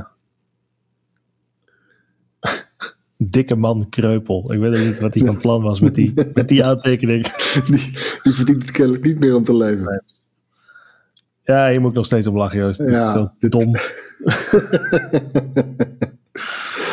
dus alleen al het geluidje als die achteruit rijdt, wat dat ding helemaal ja. niet maakte. Dat, is, uh, dat hebben we er zelf onder geknald. Ja, en dan dat deze, ding was nog en dan een, deze, ja. Heerlijk. Die auto, dat autootje waar Karim in zit, was ook nog een klein gevecht. Waarbij wij heel erg vonden dat het dit wagentje moest zijn wat we gegoogeld hadden. Uh, maar dat vond niemand uh, heel grappig. Behalve wij. Uh, mensen vonden het te veel uh, speelgoed, niet geloofwaardig. Dit is het ook, ja. Wij, wij keken elkaar de hele tijd aan van, ja, het is toch gewoon, het is toch gewoon grappig. Ja, op een gegeven moment dacht ja, fuck it, wij, wij hebben dit geschreven, wij zijn de regisseurs. Ja. Dit is gewoon, dat gaan we gewoon doen. Ja, nee, heel blij mee. En volgens mij heeft iedereen ook later gezegd dat het wel werkt. Dit is ook uh, zo'n momentje waar je gewoon in de film waarschijnlijk denkt, ja, het huis is leeg. Ja. Het zijn van die kleine dingetjes, er is ontzettend veel gedoe blijken te zijn uh, als je dat moet gaan draaien. Want je hebt, uiteindelijk hadden we twee dagen op deze locatie. Ja. Met zowel dagscènes als nachtscènes. Uh, er moet iemand uh, zijn keel doorgesneden worden. Er moet een televisie kapot. Die moet opgehangen worden. Nou ja, later moet er iemand opgehangen worden ook. Gevecht zijn we daar. Ja. Toen zit ook nog even een scène tussendoor waarin alle meubels eruit zijn. Bedoel, uh, ja, het is zo, zo makkelijk als het ook... schrijft, zo, zo lastig is het soms te organiseren. Ik heb dat ook al echt al best wel vaker gedaan. Uh, in, in Judas zit het, in Vliegende Hollanders zit het. Een leeg huis. Leeg huis van het, zeg maar, dezelfde locatie die je dan eerst leeg ziet en dan vol, of eerst vol en dan leeg. Uh, alleen weet ik nu iets specifieker hoe kut het is voor iedereen die dat doen. Oh, dit was een heel laat idee. Dat uh, pepperspray ding. Dat was echt. We, we, hebben, het script stond best wel aardig op slot voordat we gingen draaien. Maar het idee van die pepperspray kwam echt een dag of een weekend voordat we deze scène gingen draaien, volgens mij. Omdat we in één keer dachten. Uh, is het aan het einde niet nog spannender als je denkt dat Kim een kans maakt om Natalie te verslaan met die pepperspray. Dan moeten we die namelijk wel eerder opzetten. En dat is dan dus in deze scène. Uh, dus dat was een soort uh, fake setup voor een uh, payoff die niet komt. Om het nog zuurder te maken aan het einde dat ze het niet redt. Dus er moest in alle eil moest er ergens een pepperspray busje vandaan gehaald worden. Collega-schrijver Matthijs Bokting als hoerenloper daar. Dit is een onverwacht sexy shot. Ik vind het nog steeds wonderlijk dat al die lampjes op de achtergrond zo mooi Ja, dat is ook wel het, uh, het, plaatje wat vaak gebruikt wordt als de film gepromoot ja. wordt ergens. En dit shot, die camera die nu... Uh, nee, niet dit shot. Jawel. Ja, die naar achter gaat zo. Mhm. Helemaal naar achter gaat. Dat was niet per se een bedacht shot. Het was een... Ja, eh, we moesten gewoon doorrammen die avond. Want het was, uh, was een pittige, pittige nacht. Moest een boel gebeuren. En dat was gewoon Ezra die zei: Ik doe eerst wel dat shot en dan doe ik een, uh, een aanpassing. En dan draaien we meteen dat tweede gedeelte. En dat hebben we gewoon niet opgeknipt, omdat het eigenlijk wel lekker werkt. Dit is het, uh, het, hetzelfde momentje wat we bij Dylan hadden: dat hij vlak voordat hij doodgaat toch nog even iets meekrijgt. Waardoor je denkt: Oh, ja. Uh, beetje, we, waren, we, waren, een beetje aan het zoeken naar wat, wat, doen we dan. En dit stapelde zich een beetje op naar hij belt zijn moeder om er een hele fijne verjaardag te wensen. Vlak voordat ja. hij onder een vrachtwagen terechtkomt. Dit was ook pittig trouwens, want om de een of andere reden hebben we heel veel scènes achterstevoren gedraaid, zo'n beetje. Uh, oh ja, dat zo klopt. ook deze scène. We draaiden namelijk eerst Karim die onder de vrachtwagen kwam. Daarna draaien we een deel van het gevecht. Daarna draaiden we dit. En daarna draaien we het aankomen lopen. En Inderdaad. ik weet niet meer waarom we dat... Uh, nou, we wilden beginnen met het meest complexe. Namelijk het shot waarbij Karim aangereden wordt. Ja, maar waarom ja, we vervolgens alles ook in reverse gedaan hebben, dat weet ik niet allemaal ja, meer. volgens mij vanwege de lichtsituatie of zo, ik weet niet ja, meer. Het was alleen wel, er waren allebei wel, we hadden allebei momenten dat we even afhaakten van, ik weet even niet meer wat we nu aan het doen zijn. Nee, precies. Dat was wel een voordeel van hem met de tweeën doen. Die, gelukkig was het een gegeven moment waarop we allebei dachten, nou laat maar. Nee, precies. Hopla. Hopla. het is niet alleen een digitaal ding. We hebben echt Karim in, een, in dat karretje. Dat is wel een digitale wieldop die we heel graag wilden. Uh, maar dat karretje, dat kantelde een, een, een, een klein beetje en die hebben we toen weggetrokken. Ik vraag me af of je het echt ziet, eerlijk gezegd. Het gaat zo snel voorbij. Dat, je had het ook kunnen wipen. Ja, maar het is wel, ik vind het wel goed gelukt. Ja, ik vind het wel tof uitzien. Ik ben er wel blij mee. In deze overgang moest wel altijd heel erg op lachen. Dan, ja. Hij kijkt hoe iemand vermoord wordt en dan vervolgens zijn dochter denkt dat hij hier was om naar de hoeren te gaan. En toch is het nooit zo grappig geweest als toen ze deze in de repetitie deden. Ja. Volgens mij. dat was nog grappiger. Ik weet niet waarom. Het, het, het was nog. Nou ja, nog, ik weet gewoon echt niet. Nog waar, waar botter dat of lomper of zo. Ik weet ook niet meer. Ja. Nee, en de. Nou ja, weet je, dit is een hele toffe locatie dit. Uh, visueel gezien. Uh, qua audio uh, is niet ideaal om onder een snelweg te gaan staan. allemaal, dus wel... allemaal gedubt dit. Het is allemaal gedubt ik weet, ik weet niet of je, of je, als je niet weet of als je niet heel erg mee bezig bent, of dat heel erg opvalt. Geen idee. Volgens mij ik, ik beter dan dit. Kregen we niet, Fokker niet daar heel goed in. Maar, nou ja. Dit uh, is een stukje audio wat we gewoon uit de andere scène getrokken hebben. Oh ja, dat is die andere collega die van Zanten roept. Ja, ja gewoon een, een, een, dof filter overheen gegooid, uh, naar achter geduwd. Zo, dat scheelt weer iemand die... Uh, ja, die zijn naam in moet spreken. Dit was ook uh, vechten tegen het licht, weet ik nog wel. Want dit, nou, dat, uh, ik wou iets heel saais vertellen, maar dat boeit niemand. Um, deze nou vonden we altijd heel erg grappig. En dat, nou, je raadt het nooit. En dan meteen doortikken naar eh, het volgende slachtoffer wat zich al aandient. En dit moment waarbij je even wat langer blijft hangen op die rollator die hij dus blijkbaar niet meer nodig heeft.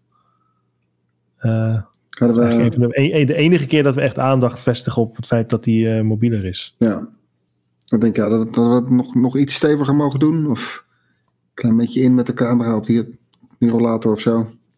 Ja. Niet, misschien ga je dan weer te veel laten duwen ermee. Ja, precies. Kijk, hier dit ook, dat hij die drank weigert van Frits. Mm. Dat, uh, ja, dit gaan we dat vertellen, Joost? Dat hele drama van die... dat het een hele scène die was die we uh, vanuit uh, efficiëntie-oogpunt in één, één shot wilden draaien. Ja, die bingo scène. Die bingo scène. Maar de, de, reden dat het nu een beetje een montagefeestje is, is omdat we het gewoon niet in één keer goed kregen. Nee, uiteindelijk hadden we het beter kunnen opknippen en dan hadden we het... Waarschijnlijk twee keer zo snel gedaan. Ja, denk ik ook. Maar goed. Ook alweer leerzaam. Niks aan te doen. Oh ja, dat shot op die, op die magnetron. Dat, dat, dat, tekstje, dat uh, we ook nog even uh, lekker met z'n tweetjes suggesties naar elkaar over en weer zitten appen volgens mij. Tot ik ben wie oh, ja. ik ben en daar ben ik blij mee de winnaar was. Ja. ja, die magnetron die stond gewoon op die locatie. Dus dat shot bedachten we eigenlijk toen we op locatiebezoek gingen. Uh, en die overgang dus ook naar het hoofd van Leeflang in die reflectie. Ja, precies. Wel tof dat dat gelukt is.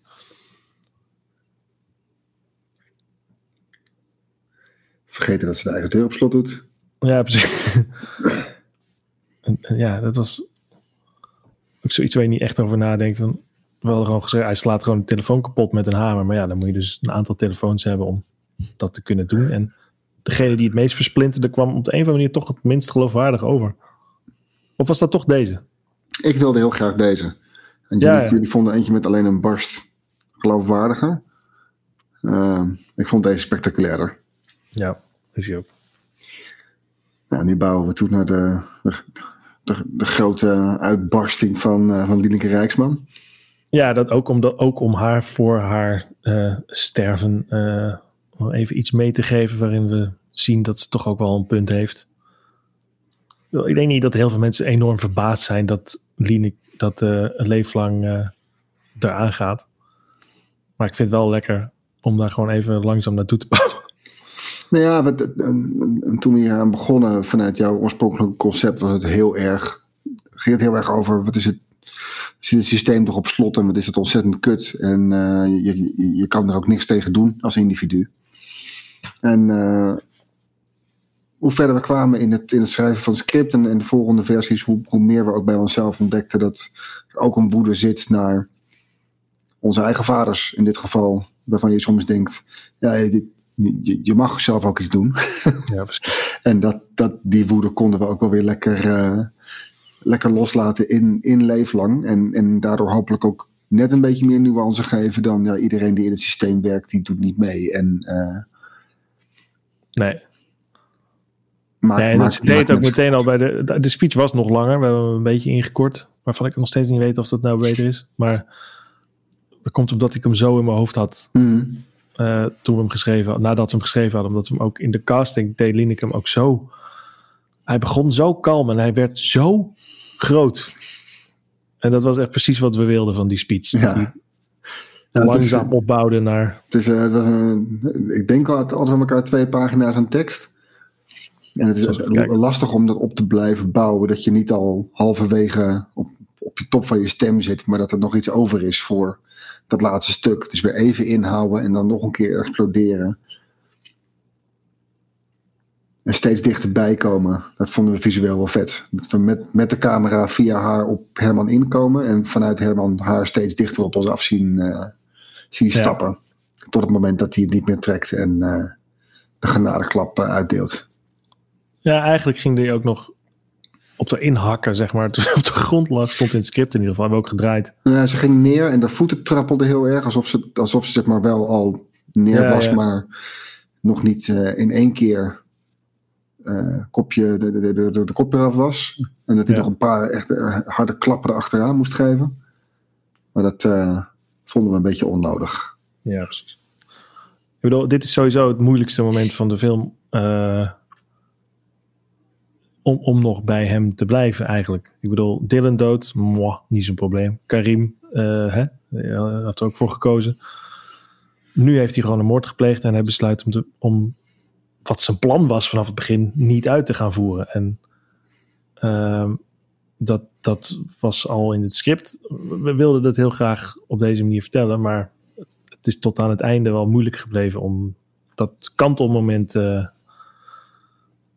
goed te krijgen, zo goed mogelijk. En, en, we hebben ervoor gekozen om daar een, een letterlijk visueel kantelmoment van te maken. Ja. Dat is, de, deze was van jou, dat was jouw suggestie, om, om letterlijk de wereld op zijn kop te draaien. En pas als, als die in bed ligt, langzaam weer terug te laten draaien. Ja, ik vond dat heel. Ik vond dat. Ik, ik was. Ik, ik, ik ben. Ja, jij bent de regisseur van ons twee, officieel. En uh, met Ezra erbij, die heeft ook weet ik hoeveel films gedraaid. Dus in het begin van het decoperen was ik een beetje. Ik weet niet, nerveus of zo. Gewoon, dat, ja, weet ik Gaan ze wel pikken wat ik te zeggen heb over visuele stijl en dat soort dingen. En, uh, op een gegeven moment pitchte ik dit idee aan jou en jij vond het tof en Ezra vond het tof. En uh, ja, ik, weet, ik vond het heel fijn dat dat gewoon klikte. Ik bedoel, ja, ik vind het een van de vetste momenten van de film. Ook wat Robert met de muziek doet. En ja. oorspronkelijk zat hierna nog een flashback momentje. En gingen we vervolgens een dag in waarin Herman eigenlijk gewoon prima naar zijn zin heeft. En een wandelwedstrijd met Ben Kramers Frits doet. Ja, waarvan dat laatste slow-mo shot eigenlijk het einde was. Ja. Dat is het enige wat we daarvan gebruikt hebben.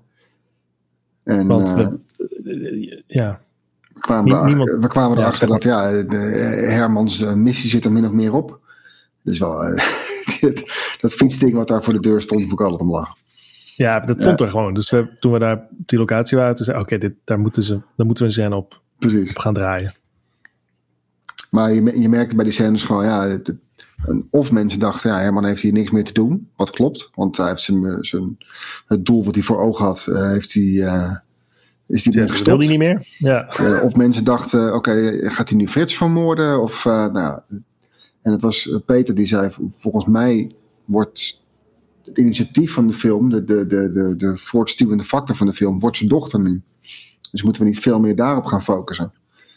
Dus in de montage, ik zou niet zeggen dat er enorme scènes gesneuveld zijn, maar toch wel door wat dingen, wat verschuiven hier en daar, eh, is toch wat meer de nadruk op zijn dochter komen te liggen in dat laatste deel van de film. Ja, hij heeft, hij heeft een soort sneeuwbal eh, van de berg afgeduwd. En dat wordt langzaam een lawine. En die kan hij niet meer tegenhouden. Maar eh, zelf doet hij niet zoveel meer. Nee, precies. En dat is eigenlijk heel raar voor een film. om het hoofdpersonage halverwege eigenlijk gewoon eh, een soort van klaar te laten zijn. Maar ik vind dit wel, ik vind, ik heb, ik weet niet, ik hou altijd heel erg van liegende personages. En Aus doet dat ook heel goed. Net doen alsof hij niet weet waar ze het over heeft. Hij doet het bij het etentje nog veel erger. Eh, ik weet niet, ik vind het heel grappig. Omdat het nu ook nog dichter op elkaar zit. Omdat we Ja. andere scènes eruit gesneden hebben, werd dat wel nog grappiger. Oh, dit was een, een gedoe-shot om te draaien, zou je niet zeggen. Maar Nee, ook zoiets. dachten, draai gewoon één shot door het raam heen en dan eh, klaar. En dat duurde echt, eh, ik weet niet waarom. hadden we, hadden we niet moeten doen. We hadden gewoon lekker, Nee. lekker naar binnen moeten gaan. Ja. Ja, dit is, is een van mijn lievelingsscènes. We be- Ja. beginnen met die tweetjes, heel lief. En, en op, oprecht proberen elkaar eh, complimentjes te geven. En dan, zodra de dochter erbij komt, eh, een hele rare driehoeksverhouding. Met een vader en twee dochters die, eh, die allebei niet alles weten, maar wel net, net doen of zij degene zijn met, met de waarheid in pacht. Nee, wij, wij als kijkers zijn de enigen die alles weten. Geen van die drie personages weet alles. Ja, precies. Dat vind ik er zo leuk aan. Zelfs Herman niet. Nee, precies. Nee, dat je bij alles denkt, oh nee, oh nee, zeg nou niet, oh nee, oh jezus, oh nee. En dan, eh, ja, dan, ons, dan, dan gaan we echt mee met Nathalie hierna. Ja, ja, precies. Die uitrijder heb ik altijd een beetje. Net een beetje, Beetje- eh, eh, ma- zeg je dat? matjes gevonden. Had Ja, wel wel, ja. wat extremer gemogen. Wat kunnen we zeggen over de visuele stijl? Ik bedoel, we, we wilden heel graag. Ik, nou, laat ik het zo zeggen. Ik, ik heb het idee dat vaak de, gewoon de aanname is dat je alles gewoon maar eh, een beetje van de schouder draait. als je niet een punt van maakt dat je dat niet wil. Nou ja, ook, ook omdat dat gewoon uh, de efficiëntste, het snelste en het goedkoopste is. Ja, absoluut. Uh, en, en, als je daar en gewoon prima kan werken. Als je daar een lekkere rauwe stijl van maakt, kan het ook fantastische dingen opleveren. Maar vaak is het meer een, een, een, financiële kwestie dan dat er echt goed over shots na wordt gedacht, vind ik. en als, we hebben het net al even over David Fincher. de eerste keer dat ik bij Handheld echt ineens blown away was. Omdat ik zag hoe goed het kon werken als je, als je het goed toepast. Dus aan het einde van film 7. Waarbij uh, de twee hoofdpersonages handheld gedraaid worden. En de antagonist die de controle over de scène heeft. Uh, een hele strakke shots op een statief krijgt. En hij dacht, oh, oh wacht. Je, je kan dat soort elementen gewoon gebruiken om iets te vertellen over je personages. En dat hebben wij met deze film natuurlijk niet zo als Fincher geprobeerd toe te passen, maar wel uh, overal ons best gedaan om de scène, in de scène meer te vertellen met de camera dan alleen maar en nu is dit personage aan het woord. Ja, dat is misschien niet het beste voorbeeld. Deze scène is dat wel heel erg. Uh... Ja, wat, wat, wat, wat de intentie in deze scène was, was om een, om een klein beetje te, te good, the bad en the ugly. Ja, oh ja. Dat de, de bliklijn tussen Herman en, en Kim directer is dan die van Natalie. Die, uh, die heeft een split eyeline en die, moet, die, die zit letterlijk tussen deze twee in.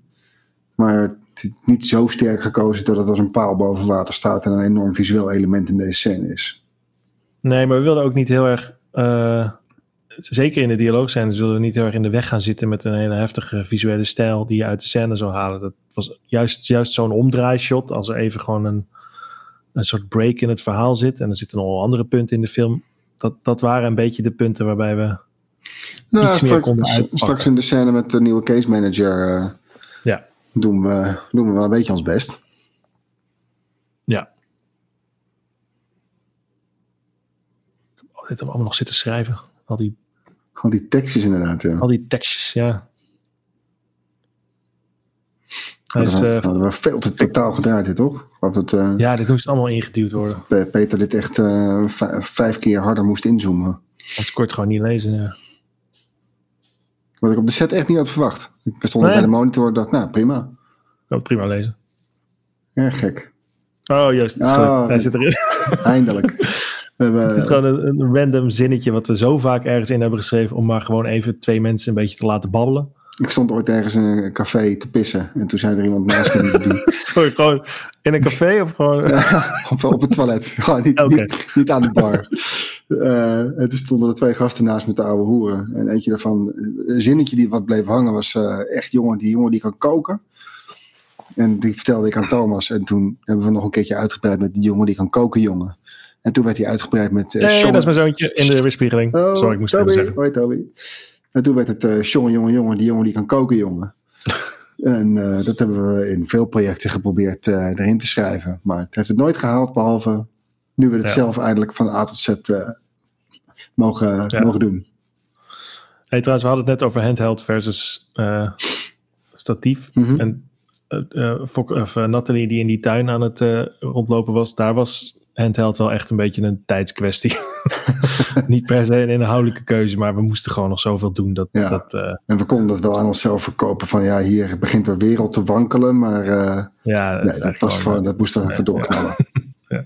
Nee, dit is de scène waarin we alles best gedaan hebben qua uh, gewoon een lange dialoogscène in, in drie belangrijke beats onderverdelen en die ook alle drie andere assen geven tussen de verschillende personages. En uh, als er ja. uiteindelijk uh, uh, een behoorlijke sprong in, in toon komt, ook de camera wel een behoorlijke zet geven. En wat je ziet in het totaalshot, wat volgens mij niemand echt opvalt, is dat die boodschappenwagen met die dossiers van leeflang achter de nieuwe case manager staan. Dus precies dat waar we het over hebben, dat hoeft hij zich alleen maar voor om te draaien. Maar ja, het is echt subtiel. Dit was, kijk, het probleem hierbij was ook een beetje, of het probleem, uh, het is gewoon een hele lange scène. En we hadden al die instellingen bedacht, maar we hadden gewoon helemaal geen tijd om die hele scène in al die instellingen te draaien. Want elke keer dat je hem draait, dan ben je wat vier minuten verder en dan, uh, nou, het telt snel op. dus uiteindelijk moesten we hem echt gewoon in stukken hakken, ook voor de acteurs. Dus die moesten dan af en toe gewoon inhaken op, laten we zeggen, het emotionele gedeelte. Op het punt dat ze helemaal niet naartoe hadden kunnen bouwen. En dat konden ze wel, maar dat was wel even tricky. Ja, dat was uiteindelijk wel een uitdaging dit. We, we draaiden eerst een heleboel af op, uh, op Robin, die de, de, de case manager speelt. En toen draaiden we om en gingen we min of meer in reverse weer terug naar uh, het begin van de scène. En dat was wel even een, keer, een paar keer emotioneel voor hun vooral goed schakelen van uh, oké, okay, waar was ik ook alweer? Ja, precies. Vooral vanwege dit moment. Ja.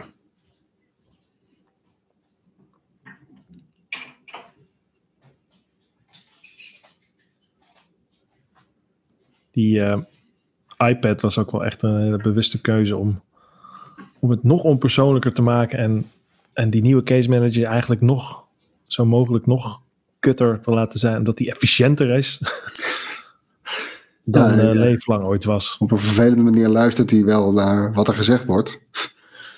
Uh, ja.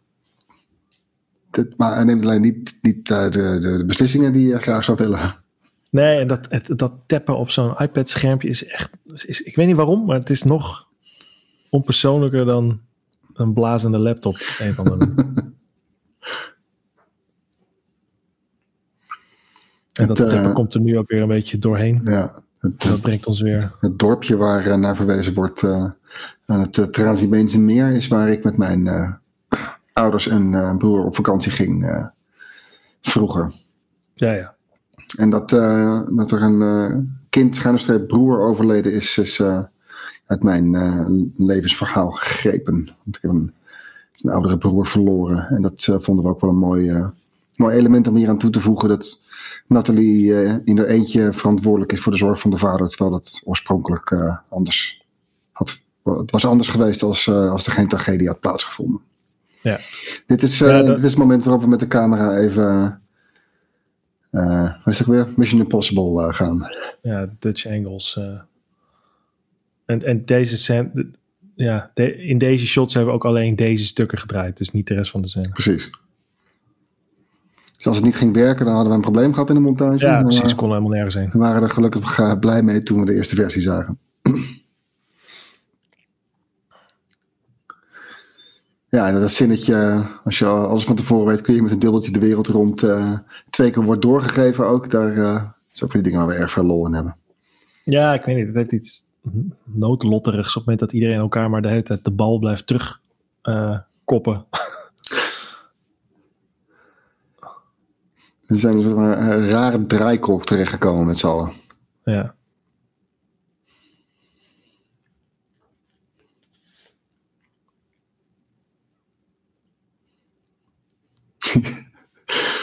ja, die sniet is ook wel lekkerder geworden dan hoe wij hem bedacht hadden. We hebben wel gedraaid dat ze echt uh, aankomt rijden en uh, het ding uit de auto haalt. Maar uh, in de montage gewoon hop en weg. Ja, precies. Dit was alle scènes die je in het park ziet. En ook de scène die je dus niet gezien hebt met een wandelwedstrijd met Ben Kramer. Dat was allemaal eerste draaidag. En dat was echt. We, hadden, we dachten dat ze een rustig begin die dag. Maar echt aan het rennen voor het licht aan het einde. Ja, dat viel, uh, dat viel ineens heel zwaar tegen. En het, het, het regende ook heel vies hier. Ja. House en uh, Melody zitten onder een enorm uh, scherm. Dus uh, een gekke eerste dag. Ja, deze scène liep nog een beetje langer door. Hij staat straks op. En dan zegt hij. Uh, uh, dan, in het script, of dat hebben we ook gedraaid, zei hij ook nog. bedreigde die er min of meer. Zei oh, ja. als, jij naar, als jij naar de politie gaat, dan weet je wat er gaat gebeuren. Of zoiets, maar dan beter. Of misschien niet beter. Daarom is het er niet in. Maar. ja, het was al iets te ver vooruit op wat er uiteindelijk ging gebeuren. Ja, precies. En we vonden het, het visueel dat hij zo dreigend boven de uittorent al, uh, al veelzeggend genoeg. Ja. Wat nog heftiger gekund misschien. Ja. Ja, ik denk ja, bij, uh, bij, bij, heel veel dingen denk ik. Ja, bij, bij, bij het volgende project wat we doen, uh, doen we alles nog een keer keer twee. ja, terugkijken altijd heel grappig.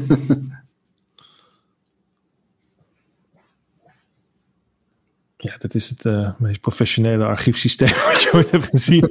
maar goed, uh, hè, is, we wilden ook een beetje waken voor dat, dat het niet een politiefilm werd. Uh, dus we hopen dat het, laten we zeggen, detectivewerk uh, geloofwaardig genoeg is om erin mee te gaan. Maar we wilden ook niet te lang blijven hangen op DNA-dingen. En daarvoor hebben we al genoeg politie-series geschreven. En deze scène is ook een tijdje uit geweest in de montage. Ja. Maar ik ben wel heel blij dat het moment waarop hij de kans krijgt om zich weer aan de drank te vergrijpen, maar er toch, niet voor, toch voor kiest om het niet te doen. Maar heel Ja. blij dat we, dat, dat we daaraan vastgehouden hebben. Het heeft wel, daar zit er wel anders in nu dan hoe die oorspronkelijk was. Ja, daarvoor kwam hij binnen uit het park, kwaad. En eh, dan kwam die Dini en Frits en Gerda tegen. En die zei, hé, hey, het is dansavond vanavond, kom je mee? En hij banjerde meteen door. En dan had je het moment dat hij die drank weer terugschenkt. Nee, dan, eer- dan, nee, dan eer- hij, hij schenkt Oh ja, het hij- glas hij in, schenkt het hij in. kijkt op, hij ziet die foto. Van ja, dan vakantie. hebben we de laatste flashback, die we, zeg maar, de, de dialoogscène met de jonge Nathalie, die we later pas gaan zien nu. En dan besluit hij, nee, ik ga toch naar die dansavond. Gaat hij naar die dansavond toe? eh, vraagt hij Gerda ten dans? Nou, dat was echt een heel ding. En dat is dus allemaal gesneuveld om eigenlijk meer de, de bal bij Nathalie te leggen. Ja, en, en wat eruit voortkwam, ehm, die, die laatste flashback scène hadden we geschreven als een soort van moment dat hij zich realiseert wat zijn dochter eigenlijk allemaal voor hem opgeofferd heeft op een positieve manier. Namelijk, ja, ik moet ook stoppen met het drinken en gewoon wat gaan maken van mijn leven. En waar hij nu zit, namelijk nadat hij inziet dat zijn dochter eh, zo alles voor hem heeft moeten opofferen, dat ze zelf bereid was om een moord voor hem te plegen. Eh, dat hij aan, aan dat moment terugdenkt en zich beseft wat hij allemaal eigenlijk vanaf dat ze jong was ook kapot heeft gemaakt voor haar. Terwijl er aan die scène verder niks veranderd is. Die is eigenlijk Nee. gewoon integraal naar een andere plek verschoven. Waardoor die veel zuurder en in, mijn mening, eh, naar mijn mening, veel beter geworden is. Ja, Gewoon door hem een andere plek te geven. En ik weet nog toen wij het script af hadden dat we echt dachten, ja, dit, dit, eh, we zullen ongetwijfeld dingen tegen gaan komen, maar ik kan me niet voorstellen hoe we e- echt hier in de montage nog hele andere dingen van kunnen maken. echt structureel iets anders, zeg maar, de, de structuur echt wijzigen had ik ook niet echt. Zag daar niet heel veel openingen voor, maar die waren er eh, heel veel. Ja, voor ons gevoel eh, en had, had alles wat op een bepaalde plek had ook alleen maar een plek op die plek. Maar dat is dus gewoon absoluut niet zo. Oh, ik, vond dat, ik vind dat zo lomp. Dat moment dat. dat was ook iets van de latere versie. Dat we Kim eigenlijk. We gingen het Kim eigenlijk alleen maar eh, zuurder maken. Toen we eenmaal wisten dat zij vermoord zou worden. Daar hebben we er nog een zinnetje gegeven over dat ze vroeger een kind had even af moeten staan. En Nathalie luisterde niet eens naar, onderbreekt er meteen. ja, het heeft iets heel zuurs, grappigs, vind ik. Ja, die, eh, die kan er echt even geen, eh, geen ruimte voor vrijmaken in haar hoofd. Voor het, eh, Zij is echt het liefste personage uit die hele film. Wil alleen maar andere mensen helpen. De man wordt vermoord. Ze gaat zelfs de moordenaar nog helpen. En, Ze, ze gaat naar de politie toe, maar in plaats van dat ze gewoon iedere agent in dat, eh, in dat bureau aanspreekt, ga- gaat ze vanuit de goedheid van haar hart op de dochter van, van de man af. ja. Het is een lekker muziekstuk. Ja, erg cool.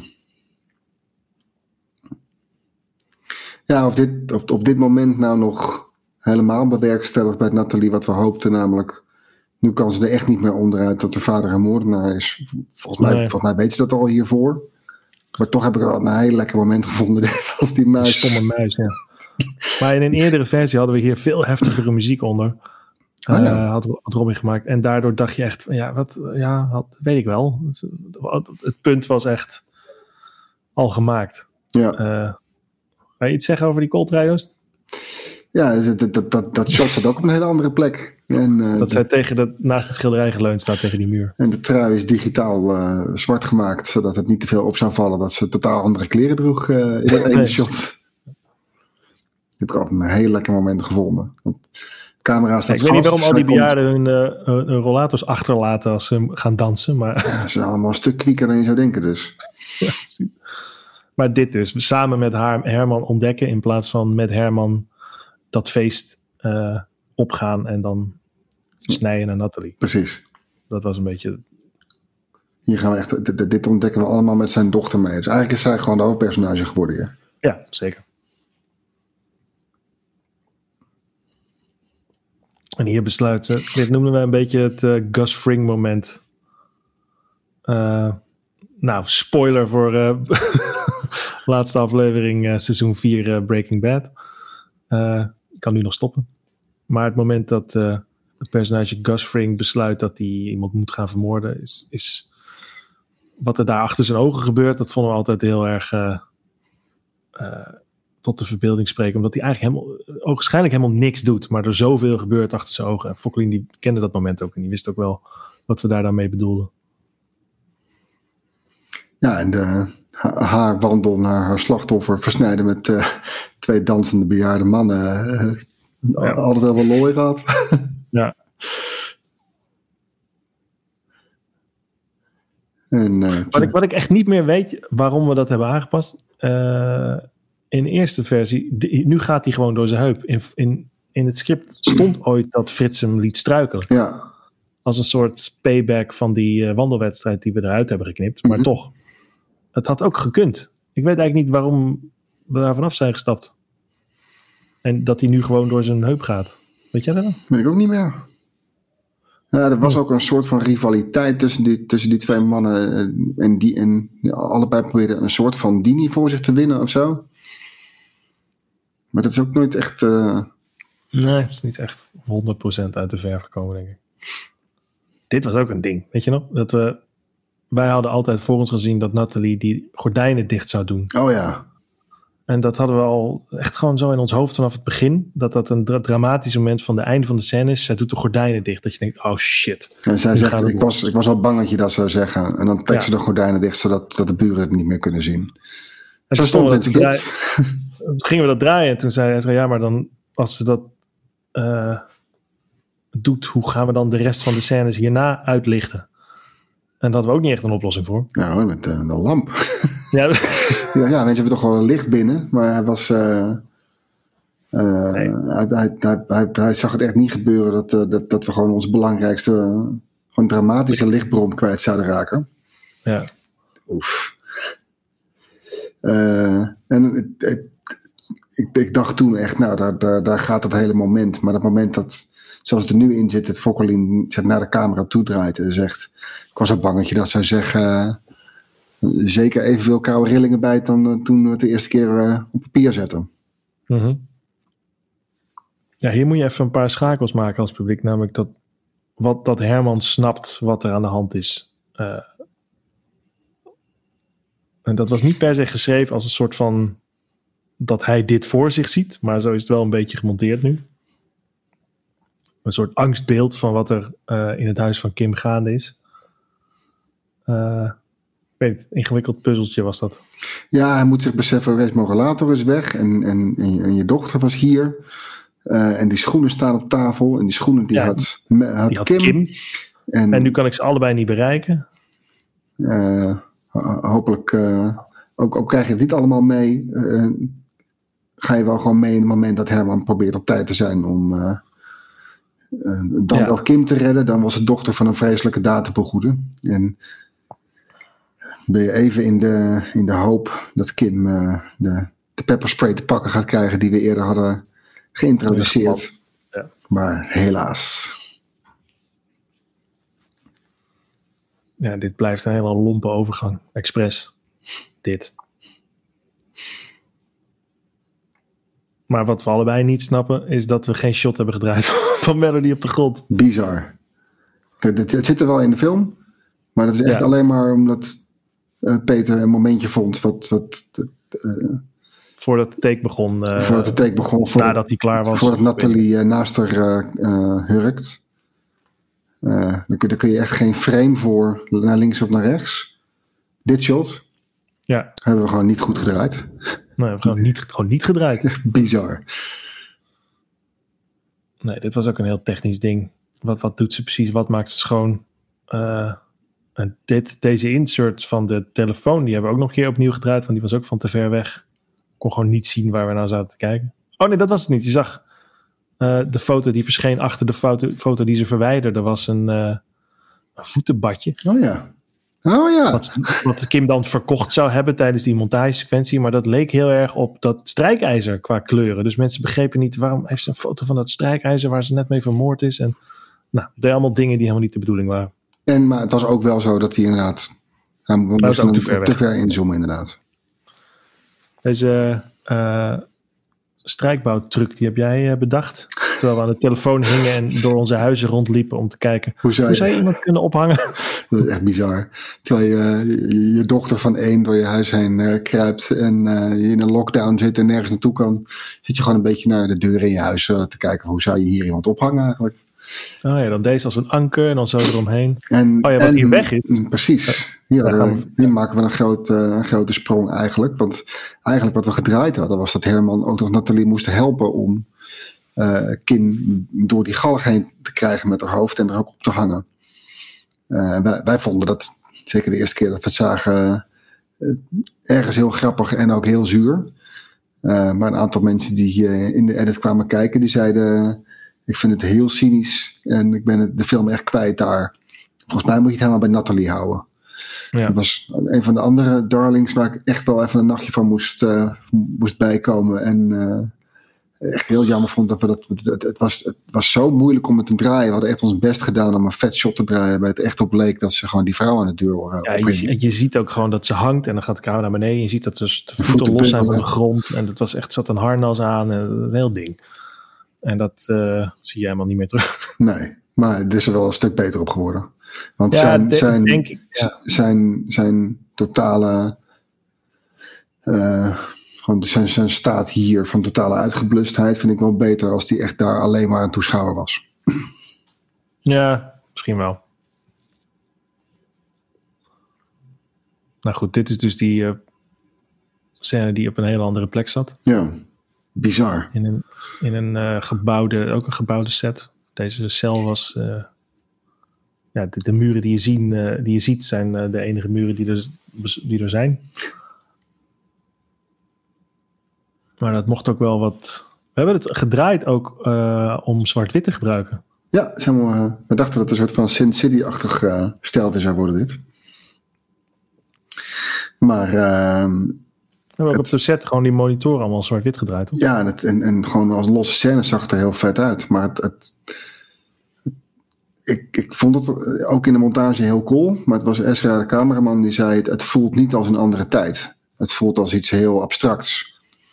En toen hij met deze look kwam. eh, De grading, het duurde even voordat wij, dat hij ons ervan overtuigde. Maar ik snap wel wat hij bedoelt met het voelt nu wel alsof het 20, 30 jaar geleden was. Kort, eh, kort scènetje van Roos Marijn hier, maar ik vind dat ze het erg, eh, erg goed doet en erg overtuigend als een jonge Fokkelien ook trouwens. Ja. Die hier, ja, het is altijd een beetje. Dat, dat vind ik sowieso nog wel lastig bij eh, Herman zijn backstory en het, zijn overleden zoon. Mhm. Dat, wat we niet wilden is dat gebruiken als enige reden waarom hij is gaan drinken. En dat is ook de reden waarom hij uiteindelijk. Hij zegt dat het zo is en zijn dochter zegt dat het zijn wel niet waar. Ja, dus hoe het dan wel precies zit, dat, dat, dat vertellen we ook weer niet. Nee. Maar dat narratief wat hij in zijn hoofd heeft van eh, dat is de aanleiding en daar is het misgegaan, eh, dat is gewoon niet waar. Eh, en, dat, en dat vind ik wel een, een interessante manier van, zonder dat je de hele backstory moet gaan lopen oplepelen. Gewoon zeggen, deze man heeft het gewoon in zijn hoofd heel erg scheef getrokken. Ja, maar aan de andere kant is die scène in die cel wel min of meer dat. Namelijk, dit is echt het, het zaadje waar geplant wordt dat Nathalie alles gaat doen voor haar vader. Maar daar heb ik dan weer minder moeite mee. Ja, dat is Misschien waar. omdat het niet zo één op één is. Of wat, nou, het is eigenlijk wel heel op één. Ik weet. Dit vind ik gewoon een hele mooie scène. Eh, En dat laatste met dus Jetty trouwens net ook. Echt, eh, ja, echt te gek. En toch eh, hij grijpt hij toch weer naar de fles op het moment dat hij het eh, echt niet had moeten doen. nee. Hier zit die zin in die wij heel graag... Wij zijn niet zo heel erg op de comma's als het gaat om... Als, acteurs iets willen aanpassen. Over het algemeen vinden we prima. Eh, maar er zijn zinnen die wilden we wel echt exact zoals wij die voor ons hoorden. En dat was er wel eentje. Ik snap dat dat zo voelt. En dat is het misschien ook wel, maar zo moet u dat niet zien. nee, het is wel erg om te lachen. Nog steeds leuk.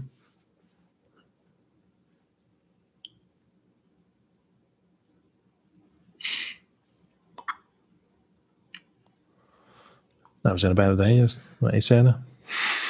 Laatste Dit is, ook, dit is ook anders ge... Eerst sneden we naar, eh, meteen naar het podium. Naar de tiener die eh, de quiz eh, staat te geven. En kwamen we vanuit de, de gekke vragen bij, eh, bij Herman uit. Eh, en dan is het een eh, editor als Peter die gewoon zegt: eh, nee, we moeten gewoon bij, eh, Nee.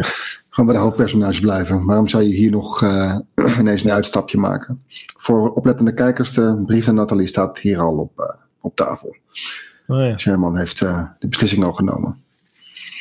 Maar waar, waar Aus nog mee kwam, dat is natuurlijk eh, een nogal eh, flinke eh, monoloog om mee te eindigen.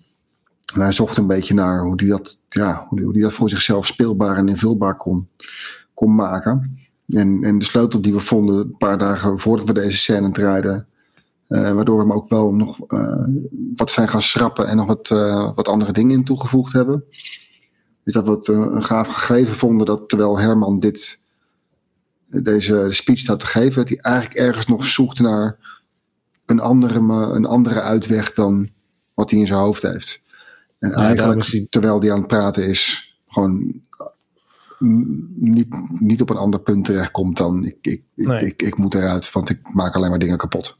Maar kijk zijn zak, kijk hoe laag zijn linkerzak hangt. Die, die, die, dat pistool zit er al in. Precies. en dat hangt er naar beneden. Maar vandaar dat hij nu zo hakkelend praat ook. Want in onze eerste versie was het veel meer een network speech. Veel uit de film Network. Ja, echt met echt een, En een eh, kla- systeem is klacht tegen het systeem. dat. En, ja. eh, en dat was veel te eh, volzinnerig.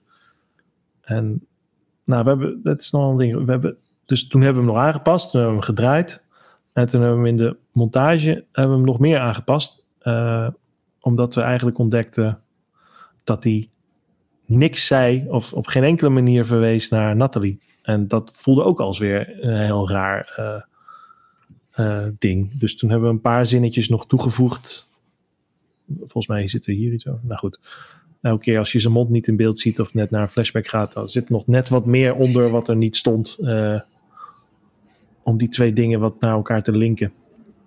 Het, het klacht tegen het systeem, maar tegelijkertijd het, het, het verlies van de onschuld van zijn dochter, waar hij zich schuldig over voelt. We wilden dit allemaal in één shot draaien, weet je nog? Gewoon, Ja, en daar heeft uh, Aus ook uh, uitermate zijn best voor gedaan. En ja, de takes waren er in principe ook voor. Uh, als, als het een perfect geschreven speech uh, was zoals hij nu in de film zit, dan had het misschien gekund. Maar zoals je al uh, merkt, wat Thomas net allemaal vertelde, we moesten er echt in de edit nog wel dingen in, in wijzigen en toevoegen om, om in ieder geval gevoelsmatig Nathalie nog bij te betrekken. Dus uh, alles in één take was sowieso nooit een optie geweest. Gelukkig hadden we genoeg uh, dingen er, erbij gedraaid om uh, ja, dit soort shots. Dit soort shots. Om, er, om, een, om er nog wel keuzes in te kunnen maken. Ja, en we hebben ook wel af en toe de vraag gehad: moet het niet nog een scène erna hebben? Of iets met Nathalie? Of, maar voor ons was het altijd wel duidelijk: nee. Na, op het moment dat hij doet wat hij bijna nu gaat doen, is het ook gewoon klaar. Precies. Maar wat we nog hebben toegevoegd is het, uh, de, de tilt naar boven. Het schilderijtje. Naar het ja. Want Als een laatste tot ziens. In het script stond uh, last naar zwart. Maar ja, dat, dat mag niet voor de Nederlandse televisie. Gewoon naar zwart snijden. Uh, Want dan denken mensen, oh klaar, snel uit, zet hem uit, zet hem uit. Op naar de volgende. Dus daar is dit laatste beeld vandaan gekomen. Ja, maar dat bewoog ook niet genoeg, dus daarom gaan we er nu digitaal nog een beetje op in. Want dan gaan mensen blijven kijken. Precies. Nou, wij zitten nu naar een andere aftiteling te kijken dan oh, dat waar, ja. mensen die hem op. Uh, ja, mensen die nu op tv kijken, kijken die, die krijgen een gigantische waarschuwing dat je dit zelf niet moet doen. Wat, wat, waar ik het absoluut mee eens ben. Ja, don't, maar, don't kill yourself. Maar het zit zo dicht op dat schot dat ik het een beetje. Het is echt meteen uh, niet doen. Ja, bel in het drie. Wat je ook moet doen. Maar nou, Hè? Uh, wij zijn gewoon heel blij met uh, dat we die film hebben mogen maken. Laten we niet te veel klagen. Precies. ja, dat was hem. Ja, wij, wij hebben die lange aftiteling hier op ons scherm, maar... Uh, de film is klaar. Ja, heb jij nog een, een tip en een top voor mij, Thomas? Wat? nou, je werkt nooit samen met mensen die uh, kantoorbanen hebben. Die aan het einde van de werkdag tegen elkaar zeggen: een, uh, een tip, dus iets wat ik beter kan doen bij een volgende keer. En een top, iets wat ik heel goed gedaan heb bij dit project. Jezus Christus. Ja, nee. Ik dacht, ik maak een nee. grapje, maar je weet niet eens waar ik het over heb. Wat, nee, wat, man, wat, ik heb er geen wat, wat heel gezond is. Ik zit al een jaar niet op kantoor. Nee, uh, ja, moeten we het nog afronden of uh, spreekt het wel een beetje voor zich allemaal? Nou, ik, ik, ik, ga ook verder niet. Ik, wat, wat, wat je precies bij het einde aan moet, dat, dat mag iedereen lekker voor zichzelf bepalen. Ja. ja. het was, gewoon, het, het, was gewoon ontzettend leuk om deze film te maken. Ondanks het zware onderwerp en het feit dat het wel uit echte uh, pijnbronnen kwam af en toe. ja, het, ik weet niet. Ik heb gewoon heel veel zin om het nog een keer te doen, maar dan beter. Nog beter. Nog beter. nou, als er iemand nog luistert, mam, bedankt voor het luisteren tot nu toe. Heel erg bedankt. En, uh. En hopelijk binnenkort maak ik eens een keer die Vliegende Hollanders podcast af. Ik, ik heb alle spullen er klaar voor staan. Laat maar weten. Oké, okay, oké. Okay. Nou. Doei. Doei.